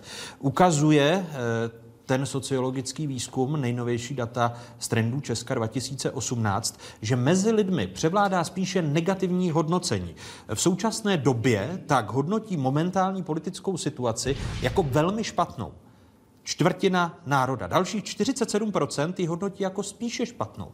To znamená, že začíná výrazně eh, převažovat eh, nespokojenost lidí se současnou politickou situací. Za velmi nebo spíše dobrou považuje politickou situaci v zemi 23 dotázaných. Připomínám, že sociologické šetření se uskutečnilo mezi 10. až 25. březnem prostřednictvím metody eh, Katy a reprezentativního vzorku 12 stovek respondentů. Jakube Michálku, je možné čekat až do června? Já už jsem se k tomu vyjadřoval v té minulé části otázek. Já si myslím, Vy jste že, říkal, že by, že by měl měl prezident teď prostor, se, takže... se, sezval opět předsedy politických stran. Ale ptám se, jestli... Ale měl by být i jakýmsi moderátorem, protože dosud to fungovalo tak, že když jsme byli u pana prezidenta, tak pan prezident uh, si vyslechl naše názory, uh, povídali jsme si o uh, zákonech, které jsou podle něho důležité, o přímé volbě starostu, a dalších věcech, které my máme v našem politickém programu a chtěli bychom je prosadit, ale nedocházelo opravdu k tomu, že by prezident moderoval tu diskuzi, která by vedla ke tvorbě vlády, která bude mít důvěru poslanecké sněmovny. K tomu dosud nedošlo a to je úplně elementární předpoklad všech dalších jednání, předčasných voleb nebo čehokoliv Jinými dalšího. slovy, myslíte si, že prezidentu republiky úplně nejde o vyřešení příběhu, když se lhává zatím jako moderátor, respektive jako moderátor do hry nevstoupil? Odpovědností prezidenta republiky je pověřit sestavením eh, vlády tu osobu, která má šanci vytvořit vládu s důvěrou. Zatím to vypadá, že Andrej Babiš tuto schopnost nemá, v zásadě pouze všechny naštval a eh, v případě naše jednání s Andrem Babišem a předsedou poslaneckého klubu Faltínkem byla vždycky problematická z toho důvodu, že jsme se na něčem domluvili a pan Faltínek nás potom podrazil. Takže když se tohle děje opakovaně, tak pak už v zásadě ztrácíte motivaci jednat o čemkoliv. A já si myslím, že prezident republiky by do toho měl vstoupit a měl by se konstruktivně snažit o to, aby vznikla vláda, která bude mít důvěru. Je logické, že ponechá Andrej Babišovi nějaký čas, řekněme 14 dnů, na to, aby doběhla, řekněme, ta eh, část divadla se sociální demokracií a potom by se by, podle mého názoru měl přehodnotit ten svůj postoj, jestli opravdu vede uh, k vytvoření vlády, která bude mít důvěru. Teď ne, že bych spěchal, ale zase jako máme půl roku, půl roku od voleb, tak když říkáte ještě 14 dnů, aby doběhla ta uh, hra se sociální demokracií. Tak já to, já to čtu, že nějaká šance tady je. Andrej Babiš v podstatě, už si to, když si to řekneme uh, jakoby na férovku, tak má vlastně jednu teď poslední šanci, kdy ještě to v úvozovkách může zachránit. Počkejte, slyšel jste Jiřího Zimolu, teď už bez Babiše. Může to být i bez Babiše. Já si myslím, že ta varianta tady vyloučená není. Ostatně připomeňme si výrok Andreje Babiše, že... Uh, on chce být on, premiérem až do smrti. No ale zároveň říkal, že nemusí být premiérem, že to je požadavek hnutí ano, tak jako uh, to je zase ten jeho způsob, kdy používá marketing k tomu, že vysílá různé signály, nedrží slovo toho, co řekl, to, co řekl v televizi, to je prostě, prostě pro něj naprosto nepodstatné. Takže já bych řekl, že tady opravdu je, už se blíží velmi ke konci ta doba pro jednání se sociální demokracií. Já si nedovedu představit, že by Andrej Babiš eh, sestavil vládu, která se opírá o extrémisty eh, a pokud jde o nás, tak my se na tomto podílet rozhodně nebudeme. A pak je na prezidentu republiky, aby začal vést opravdu seriózní, důsledná jednání s předsedy eh, politických stran v poslanecké sněmovně, zejména s těmi eh, největšími, kteří disponují tou většinou, která je potřebná pro sestavení vlády, tak, aby se nějaká vláda sestavila. Paní profesorko Dvořáková, je možné ještě dále čekat, jestliže eh, se blíží 80. den, kdy máme v České republice vládu bez důvěry poslanecké sněmovny? Já souhlasím víceméně s kolegou tady, co říkal. Mm, ústava úmyslně nedává žádný termín pro, pro tyto věci, protože může vám probíhat velmi konstruktivní jednání, kde se dohadují a teď někdo řekne, helejte, teď je 15. červen a končíme, nebo první květen a končíme, nestihli jste to a tak dále. Takhle se politika nedělá. Na druhou stranu v momentě, kdy prostě ta jednání jsou ve slepé uličce, dále nevedou, Má být v úterý jednání pana prezidenta s panem Babišem, který by měl říct si svůj obraz, měl by říct, jak to vidí dál, jak chce pokračovat a, a tak dále. A poté by teda měl prezident skutečně už nějakým způsobem jednat a jedno, jestli teda ne, ne, nečekat teda do června, jestli se náhodou něco někde neobjeví, protože to je ten problém, který je, že máme zde vládu v demisi. Takže nespokojenost veřejnosti s politickou situací, která narůstá, což jsme viděli v trendech ano. Česka, tak se na tom podílí Já i zatím nekonání prezidenta republiky. Já si myslím, že se na tom podílí to, že zde máme vlastně vládu, která je v demisi, která ve podstatě rozhoduje o věcech, o kterých by spíše jako vláda v demisi rozhodovat neměla. Je to vláda, která vlastně se nikomu nezodpovídá, protože v momentě jako největší zodpovědnost je v tom, když parlament vyhlásí vládě nedůvěru. Představte si, jak můžete, nemůžete vyhlašovat vládě nedůvěru, když tu důvěru nemá. Že? Tohle to jsou prostě věci, které z, té, z toho ústavního systému skutečně dělají takový trhací kalendář. Ale nejde o to, abychom si řekli tak, teďko termín polovina května a bude to, nebo prvního května a bude to všechno v pořádku, ale je tu jednání prezidenta s dezignovaným premiérem, z toho by mělo jít další jasně vzkázaný veřejnosti, jaké další kroky prezident bude chtít a bude, budou vlastně a pan Babiš si představuje, že udělá, nebo jestli tam bude někdo jiný. Vlastně můžu ano. ještě uh, to doplnit. Já myslím, že tady je to riziko, protože říkáme si do června, no a co bude po červnu, pak bude červenec, srpen, čili prázdniny, takže to se v uvozovkách nic dít nebude. Takže proto je tady to riziko, že se to bude neustále prodlužovat. A po Ale prezident republiky byl k Andrej Babišovi tolerantní. Proto... Po prázdninách budou volby, takže proto říkáme, ať už se to někam pohne, ať se tedy uh, uzavřou nějakým opravdu definitivním způsobem z obou stran jednání se sociální demokracií, ať proběhne jednání u prezidenta, ale ať se nestane to, že ta vláda v demisi a bez důvěry tady bude pokračovat i po tom červnu přes prázdniny, protože to nikdo nebude řešit, všichni budou na dovolené, no a v září se vrátí lidi, lidi z dovolené a Eh, budou zase komunální volby, takže všichni budou řešit komunální volby. Toto opravdu není konstruktivní přístup. Je potřeba, aby politici zasedli a domluvili se do konce, opravdu, aby to bylo vyřešené do, do konce toho června. Je, je, jenom větičku. Eh, já si myslím, že nelze v žádném případě mluvit o nečinnosti pana prezidenta. Vždyť ten time, který dostal Andrej Babiš, ta exkluzivita jednání pro sociální demokracii, která tuším, že byla do 10. dubna, to mělo přece vztah i a souvislost s naším sjezdem. My jsme byli ti, kdo chtěli eh, se domluvit. Do poslední chvíle jsme jednali. Ta jednání zkrachovala ve čtvrtek, eh, dva dny před naším eh, sjezdem.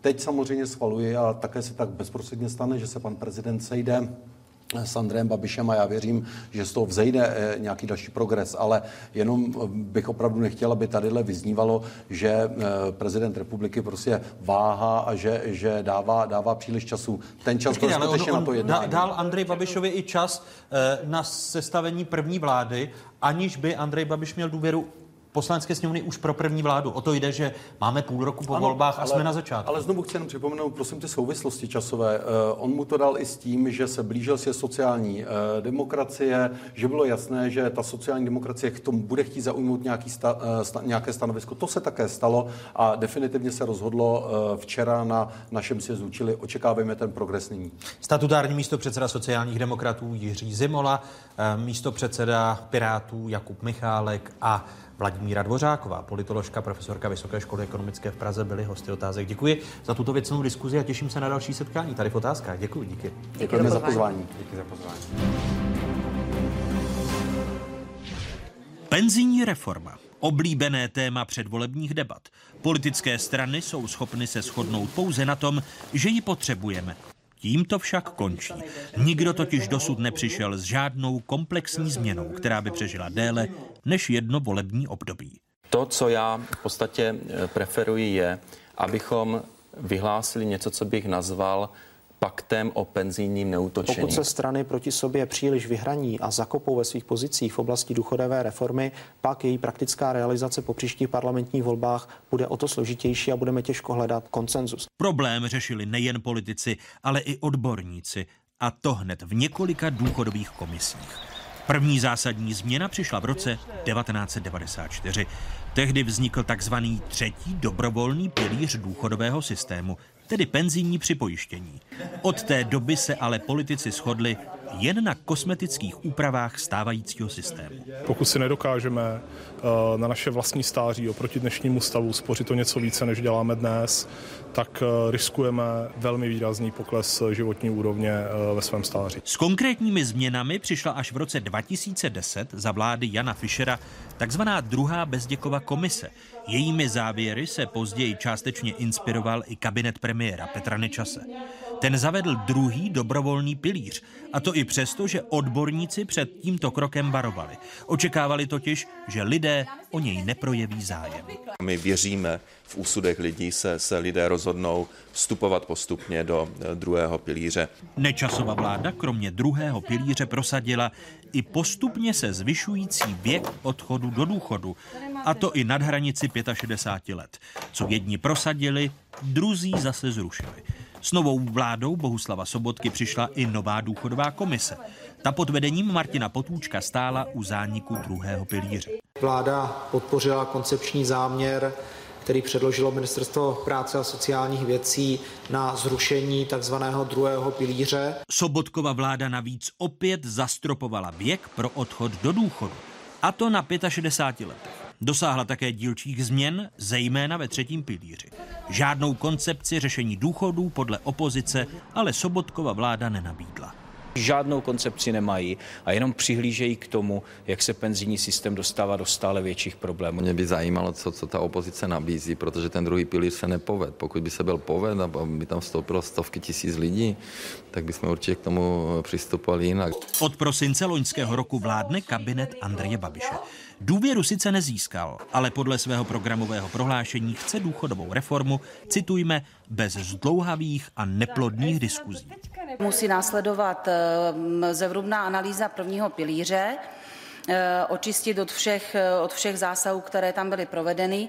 Zvláštní důchodový účet by měl vzniknout v roce 2020.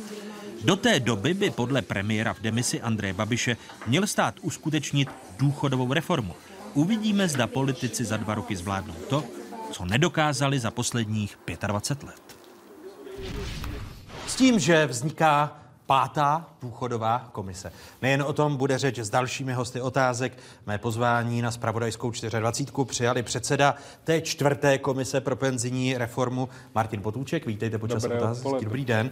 Vítám šéfa Asociace penzijních společností Aleše Poklopa. Hezký dobrý, dobrý den. den. A mé pozvání přijal i ekonom z IDEI a CERGE Jiří Šetava. Vítejte. Hezký dobrý den. Dobrý den. Jen pro úplnost, tady s námi ve studiu měla sedět i ministrně práce a sociálních věcí Jaroslava Němcová, která zprvu nabídku účastnice tohoto pořadu přijala, eh, pak ji zrušila eh, s odůvodněním zdravotních důvodů.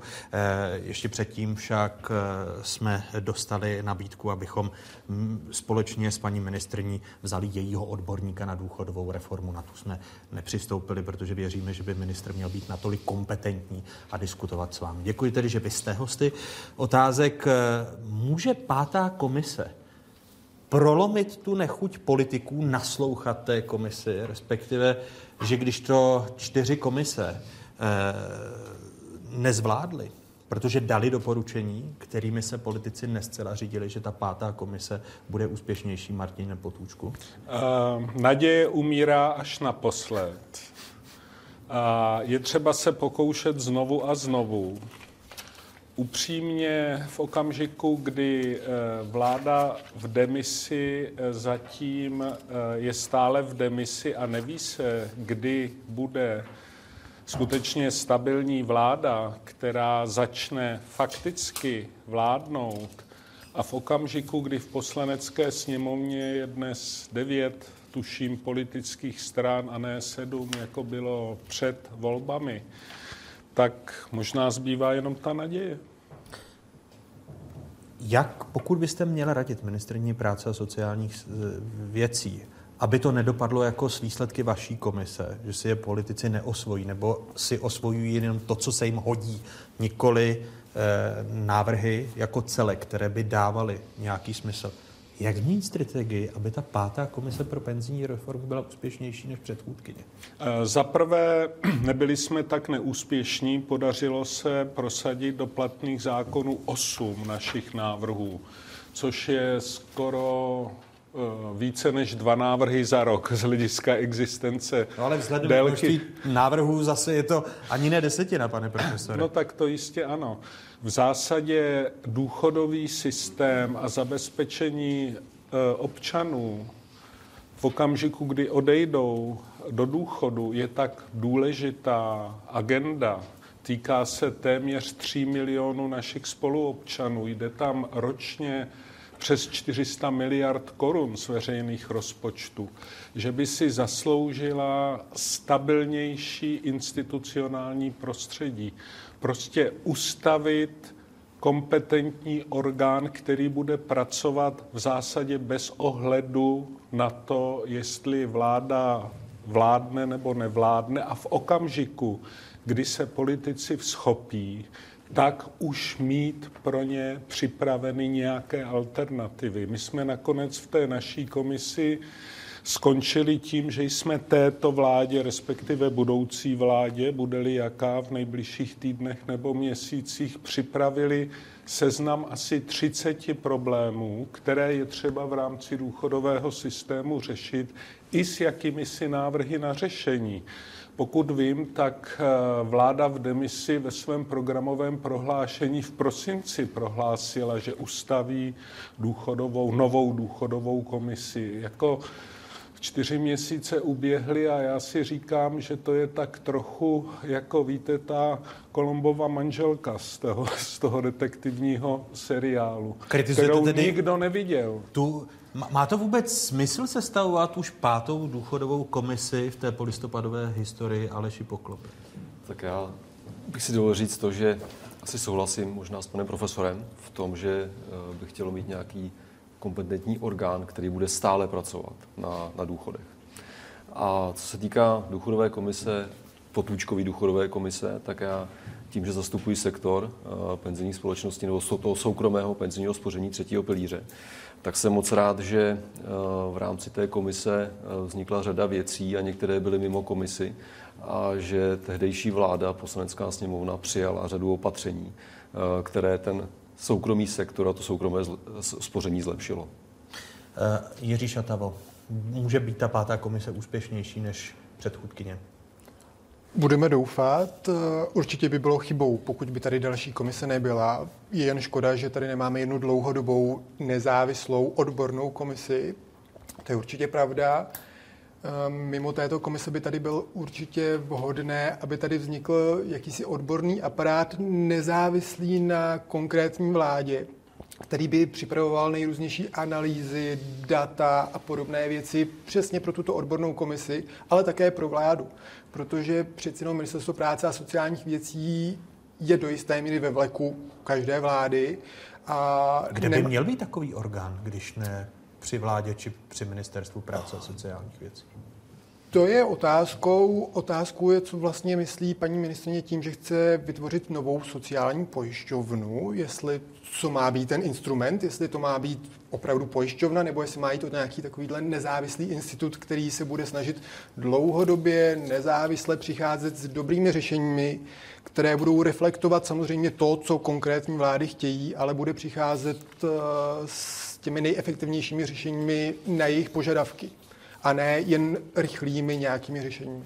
Ono, když se podíváme do toho programového prohlášení, co slibovala první vláda Andreje Babiše, která je teď v demisi. Cituji z programového prohlášení. Chceme důchodovou reformu. Chceme konkrétní kroky bez dlouhavých neplodných diskuzí. Podstatou bude oddělení důchodového účtu od státního rozpočtu a stanovení jasných finančních vztahů mezi tímto účtem a státním rozpočtem, případně dalšími zdroji příjmů pro tento účet. Chceme proto zřídit státní důchodový úřad, který bude tyto prostředky spravovat a veřejnost bude vědět, kam její sociální odvody směřují a jak jsou využity. A v kapitole sociální politika a zaměstnanost eh, pokračujeme v souvislosti s důchodovou reformou. Cituji, sestavíme odborný pracovní tým pro důchodovou reformu, který zhodnotí dosavadní návrhy, aktuální situaci a předpokládaný vývoj a předloží návrh řešení, eh, které zachová stávající nároky. Definuje standard plošného zabezpečení ve stáří na principu solidarity, posílí princip zásluhovosti a bude motivovat lidi v aktivním věku, aby využívali podporované formy reformy individuálního zajištění na stáří. Konec citátu eh, pasáží programového prohlášení vlády, které se věnují penzím. Začnu u Jiřího Šatavy. Oddělení důchodového účtu od státního rozpočtu. Andrej Babiš to chce stihnout k prvnímu lednu roku 2020. Je to krok, se kterým byste jako odborník souhlasil? Nemyslím si, že je nutné tyto dvě věci nutně oddělovat.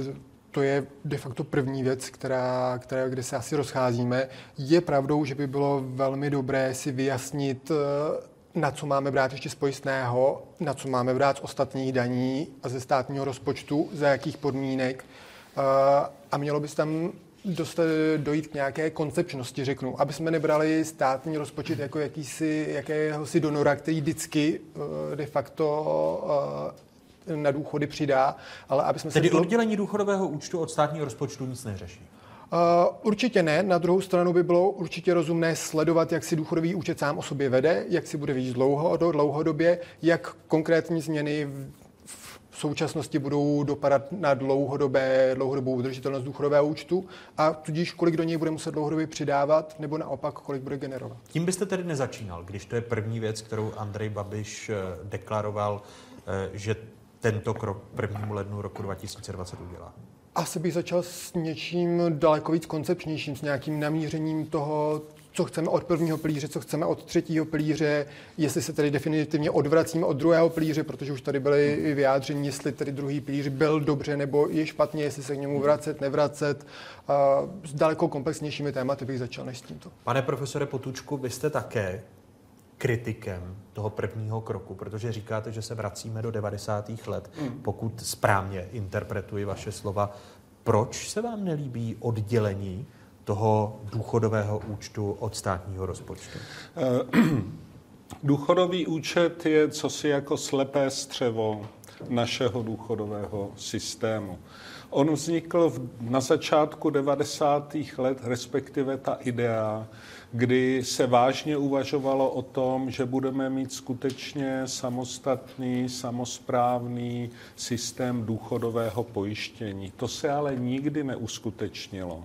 Takže dnešní první pilíř je jakýsi kočkopés, který směšuje prvky důchodového zabezpečení, financovaného z obecných daní a důchodového pojištění financovaného z příspěvku na tedy sociální notabene důchodové pojištění.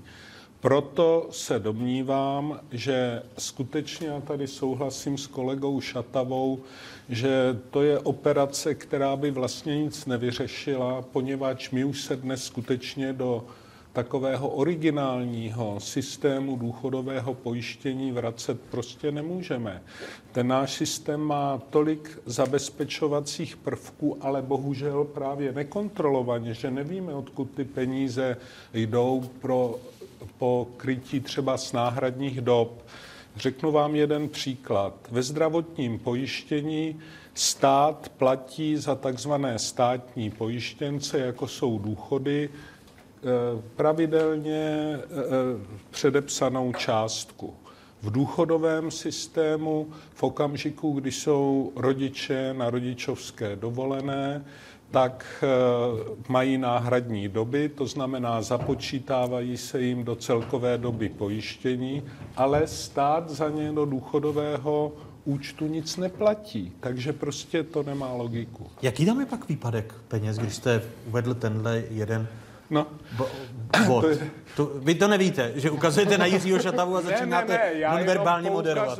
na to, že kolega Šatava přesně mluvil o něčem takovém v obecné rovině, ale to neví nikdo, pane redaktore, poněvadž to není ani Česká zpráva sociálního Počkejte, zabezpečení. My neumíme spočítat, O kolik peněz přichází důchodový účet, když se započítává náhradní doba, například za rodičovskou? Přesně tak. Tak to nikdo nespočítá. Ne. Kolik tím, o kolik tím přichází ne. penzijní systém? Ne. Penzijní systém se to doví až v okamžiku, kdy ta maminka zažádá o důchod.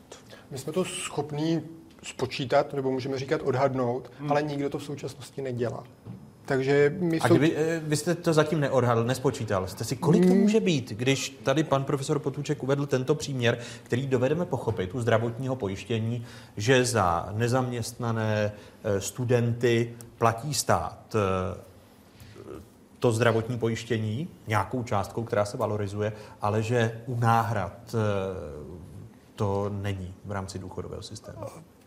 Těžko říct, kolik to může být. Není to málo. Eh, těch zvaných, takzvaných náhradních dob jsme měli relativně hodně v minulosti. Teď je, trošku jsme se je snažili osekat. Eh, například eh, studium už se nezapočítává současným vysokoškolákům.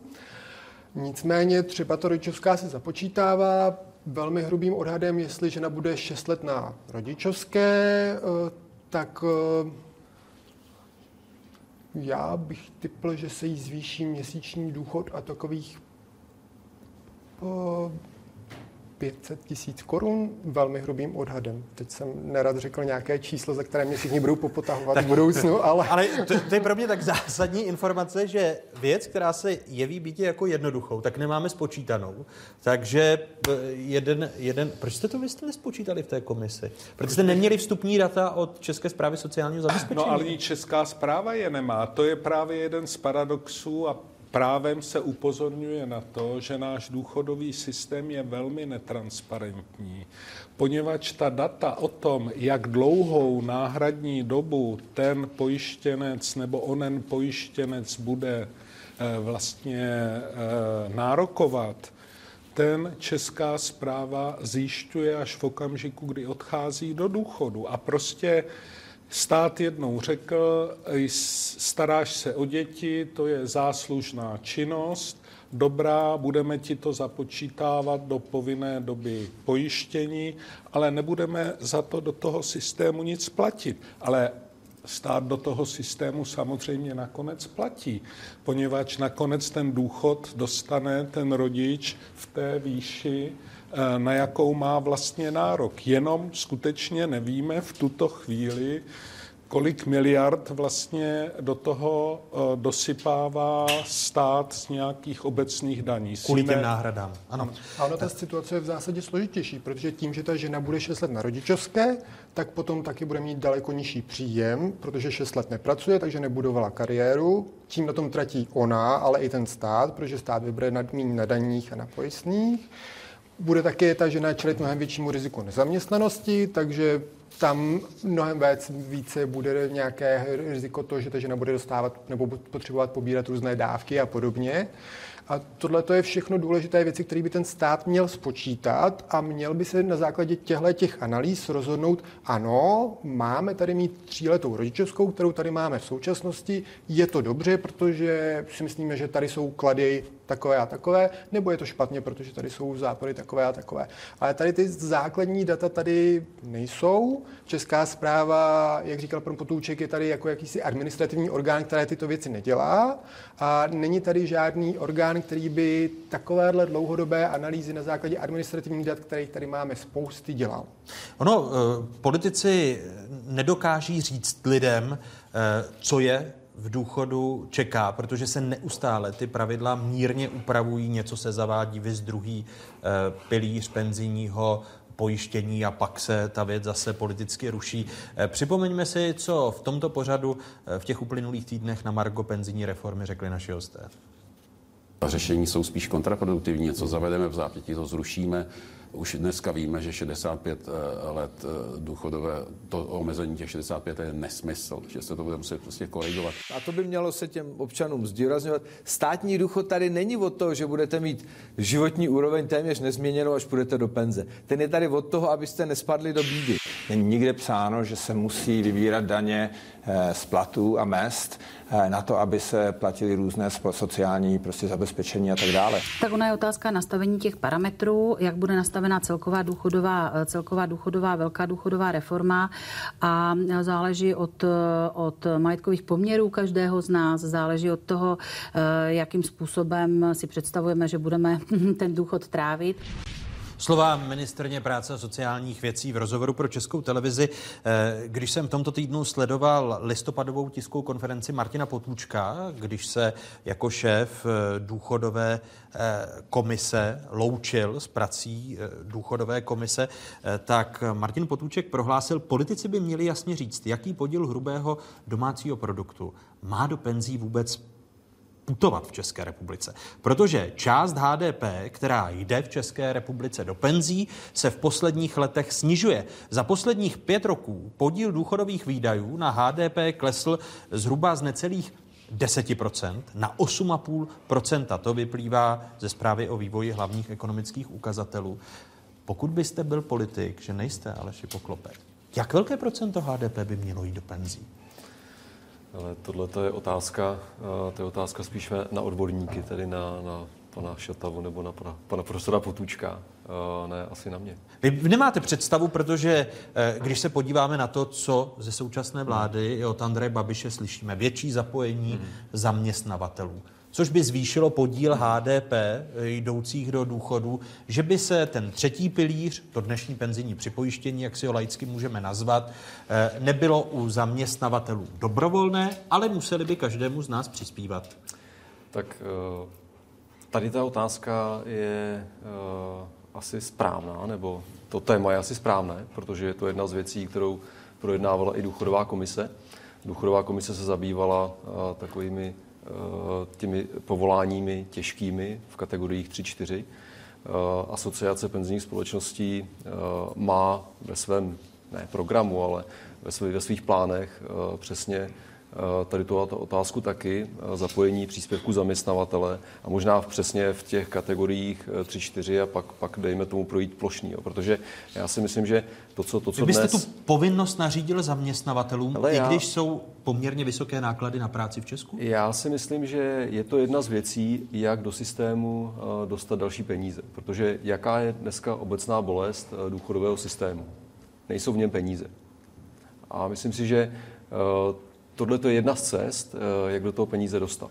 A je to samozřejmě tak, že pokud já dneska pracuju, tak uh, odvádím nějakou činnost a práci pro zaměstnavatele, tak si myslím, že je úplně férový, aby, aby ten příspěvek zaměstnavatele normálně fungoval. Dneska příspěvek zaměstnavatele uh, poskytuje zhruba asi 46% firm a myslím si, že příspěvek zaměstnavatele na penzijní připojištění je asi druhým uh, nejobdivovanějším nebo nejlepším benefitem, které ty firmy vedle stravenek eh, poskytují. Takže si myslím, máte, že je máte velmi, velmi atraktivní. Za, za asociaci penzijních společností. Hmm. Pokud by Babišova vláda e, nařídila a dala zákon, že by zaměstnavatele hmm. měli povinnost hmm.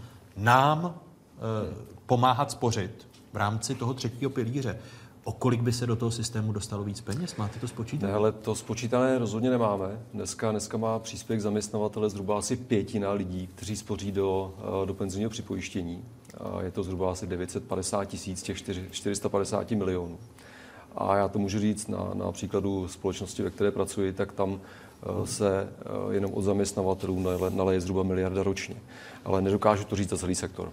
Vy, pane profesore Potučku, jste poměrně skeptický, nebo držíte si jistý odstup eh, k tomu povinnému zavádění eh, příspěvku zaměstnavatelů do penzijního systému. Nejste tak eh, nadšený jako zde? Děkuji za to slovo určitý, poněvadž rozhodně bych byl pro to, o čem jsme také diskutovali na půdě naší komise, aby u těch náročných povolání vlády, které následovaly po té první federální vládě, kde federální minister Petr Miller, dříve narození si snad na to jméno ještě vzpomenou, slíbil horníkům, když se tenkrát rušily pracovní kategorie, že zavede speciální e, schémata právě pro náročná povolání. A to, když se podíváte, v jakých pracovních podmínkách pracují hutníci, horníci, ale nejenom oni, tak to je naprosto přirozené a legitimní eh,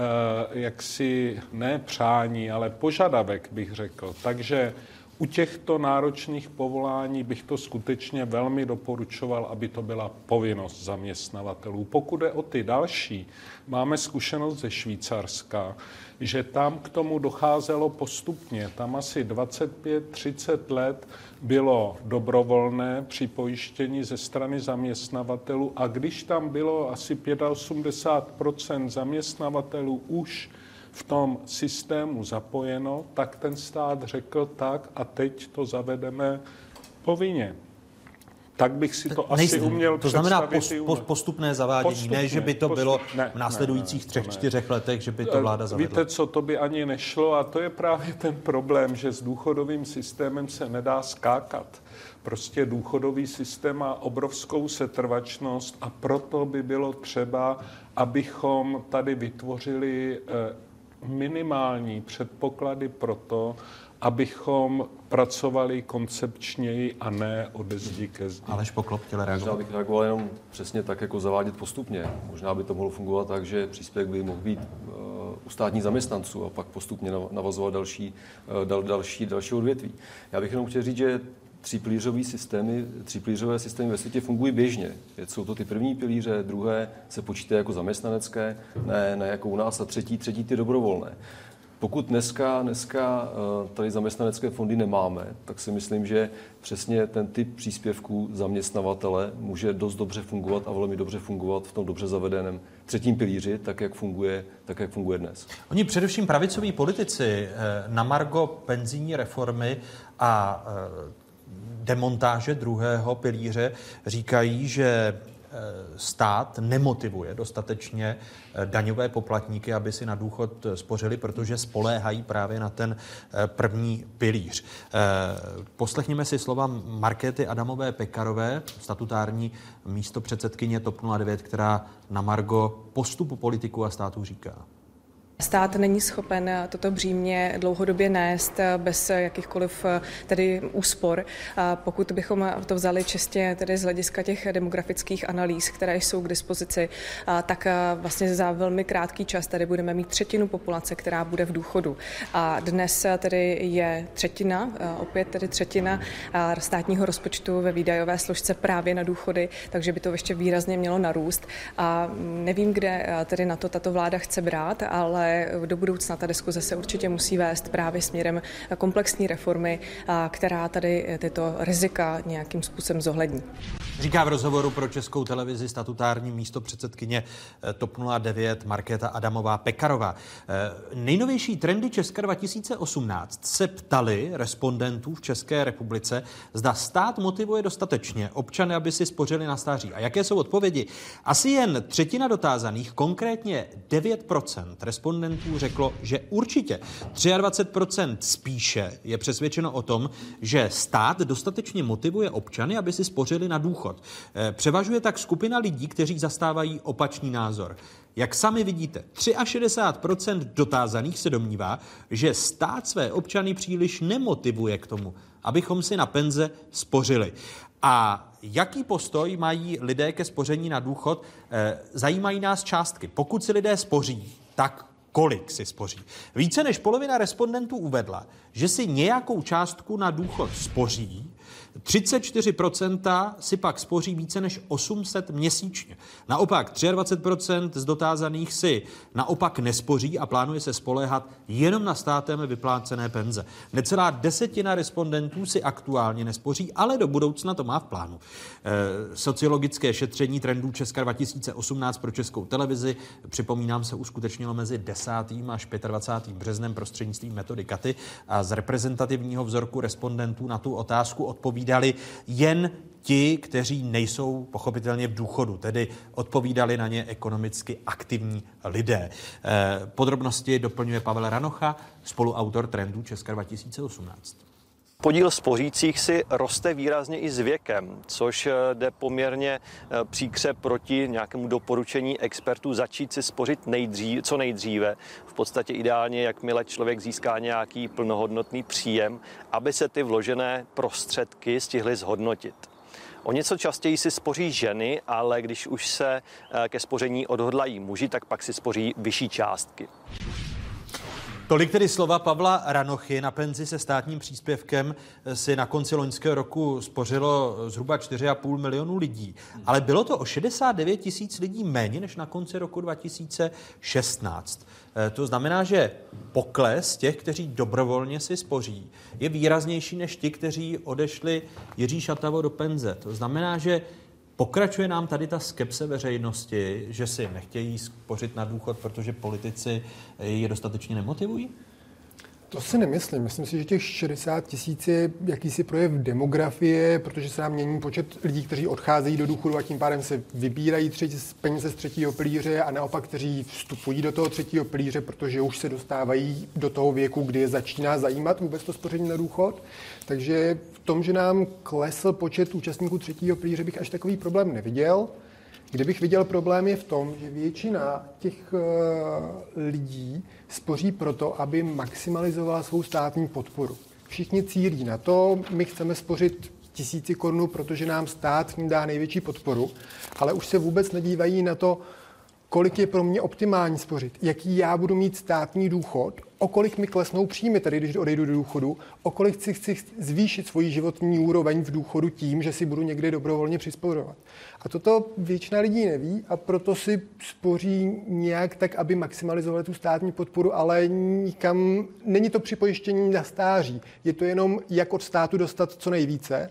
A tady je asi jedna z hlavních chyb státu ve třetím plíři. On tím, že neřekne, jakou lidé můžou očekávat penzi ze státního plíře nebo státního no, důchodu, systému, tak, ano, tak nechává je ve velké nejistotě, kolik si mají spořit ve třetím plíři a tím pádem pro ně je hrozně složité vůbec přemýšlet o tom, kolik by si měli spořit pokud stát jim neřekne, kolik on jim dá, aspoň orientačně, kolik si myslí, že na základě současných okolností jim může dát. A nemám se tedy těmi, pardon jenom, ale nemám se těmi daty 69 tisíc úbytek znepokojovat, protože analytik Partners Aleš Tuma v rozhovoru pro ČTK konstatoval, populace stárne, ale ne tak rychle, aby klienti třetího pilíře ubývali tímto tempem. Eh, právě naopak, do doplňkového spoření by mělo vstupovat mnohem více mladých klientů. Teď vy, vy jste ta čísla relativizoval relativně. Si na mě. Možná otázka ano, na mě, ano. moderátor, jestli, jestli můžu. Je dobře, že se tady občas udělíte slovo. Ne, těch 69 tisíc, mám se znepokojovat? Ne, 69 tisíc není vůbec žádné číslo znepokojící. Já si myslím, že je potřeba se na to podívat v nějakém kontextu. Jo. Ten kontext je takový, že uh, do toho starého systému penzijního připojištění se v roce 2012 přestalo vstupovat. V tom roce, v daném roce uzavřelo smlouvu 550 tisíc lidí které do toho, do toho systému vstoupily, aby mělo staré podmínky. Eh, ty podmínky nové byly eh, v tom doplňkovém penzijním spoření velmi odlišné, eh, takže než si na to zvykli klienti, než si na to zvykli, nebo účastníci, než si na to zvykli prodejci, tak to nějakým způsobem nějakou dobu trvalo. A já jsem moc rád, že po těch úpravách v roce 2015, kdy ten systém jsme dokázali trochu zatraktivnit, tak ta dynamika vstupujících lidí je, je vzrůstající. A jenom v loňském roce do toho systému vstoupilo 220 tisíc lidí. Jo, pokud, pokud byly nějaké úbytky eh, v minulém roce nebo v minulosti, tak ty úbytky se velmi, velmi snižují. Jo. Takže já vůbec o to nemám obavu a věřím, že se dostaneme zase k nějakým číslům, které byly před pěti, šesti, šesti lety celkového počtu klientů. A je ten uh, model uh, státem hmm. podporovaného hmm. spoření, připojištění, zkrátka myš, myšlení na, na penzi natolik atraktivní, hmm. nebo byste ho ještě vylepšoval? Protože, jak jsme viděli ty názory veřejnosti v nejnovějším sociologickém šetření České televize, tak není.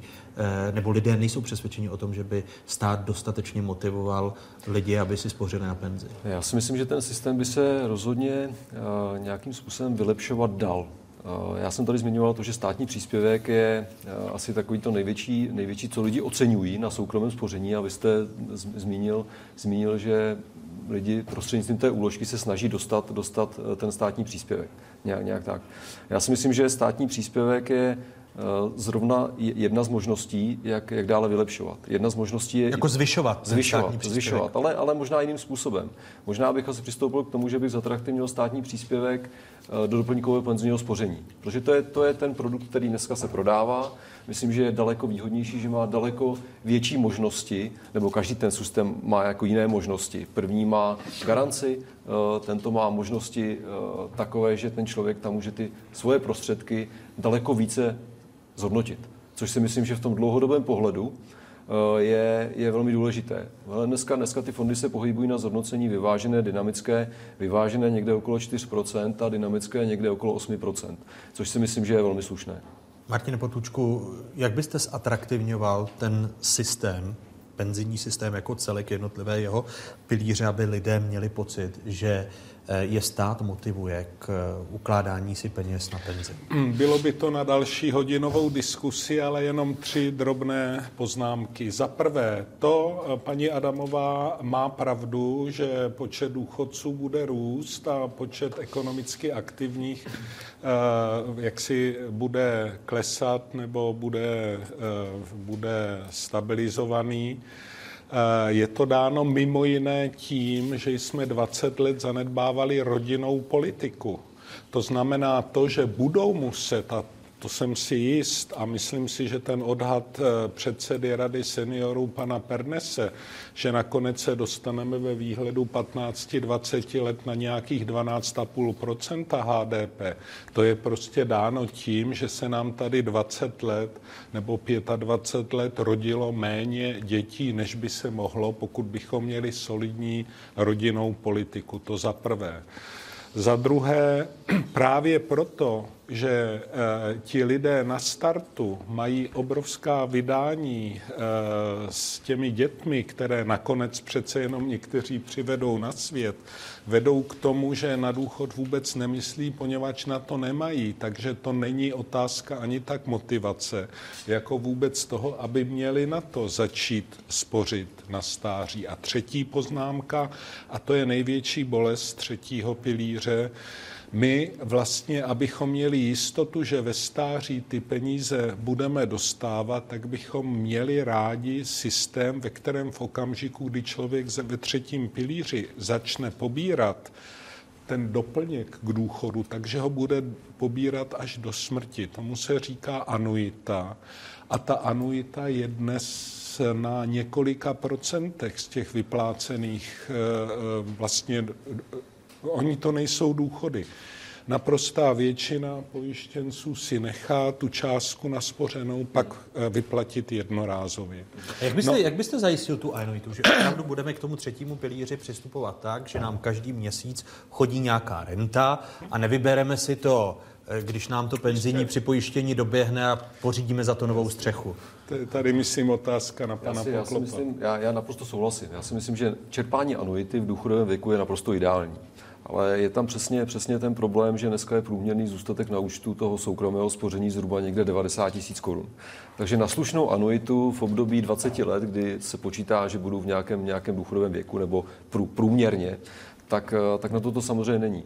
A když jste, když jste zmiňoval to, jak by se to dalo zatraktivnit, tak já si myslím, že, že ta minulá úprava poslala takovou vlaštovku toho zatraktivnění, že minimálně čerpání penze na dobu deseti let bylo osvobozeno od daní což bylo úplně skvělé. Já si myslím, že se dá pokračovat dále. Já si myslím, že se dá pokračovat i tak, že pokud se zavážu, že budu čerpat anuitu, tak můžu mít nějakým způsobem uh, zatraktivnění ty dávky třeba státním příspěvkem nějakým. A myslím si, že, že to, je, to je taky jedna, jedna z cest, jak, jak ty lidi přimět k tomu, aby začali anuity čerpat.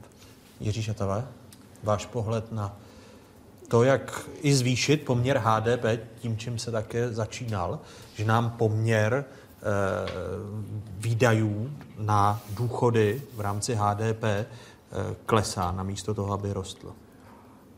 Tam asi začnu od konce. Eh, my bychom měli v prvé fázi maximálně využít ty možnosti, které nám současný systém nabízí.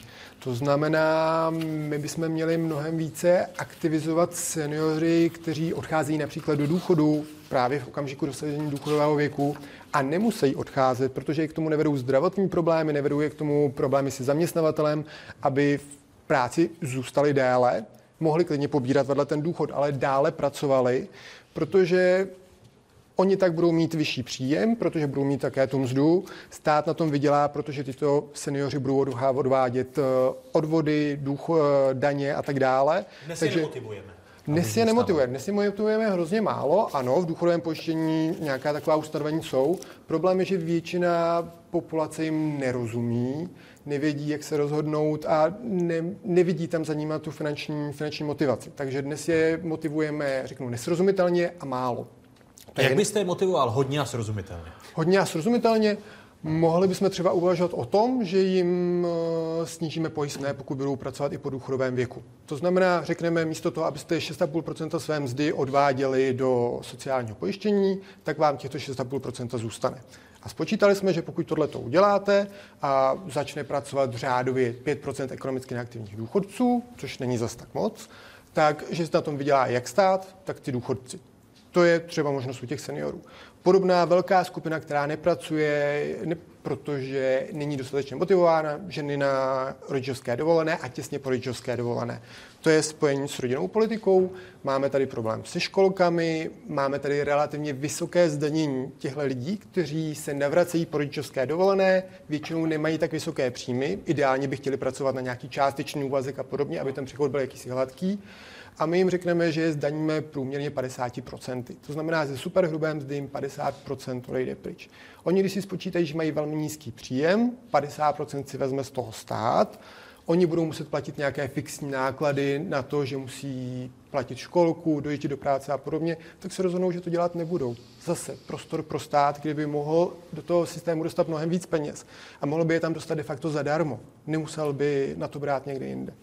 Budu rád, když budeme v těchto důchodových tématech a podtématech pokračovat. Jiří Šatava, Martin Potůček, Aleš Poklop. Děkuji vám, že jste byli hosty otázek. Děkujeme. Děkuji. Vám divákům děkuji, že jste se dívali. Připomínám, že nás najdete na internetových stránkách České televize, známá adresa eh, www.ct24.cz nebo www.ceskatelevize.cz. Hezký zbytek neděle, pokud možno ve společnosti 24.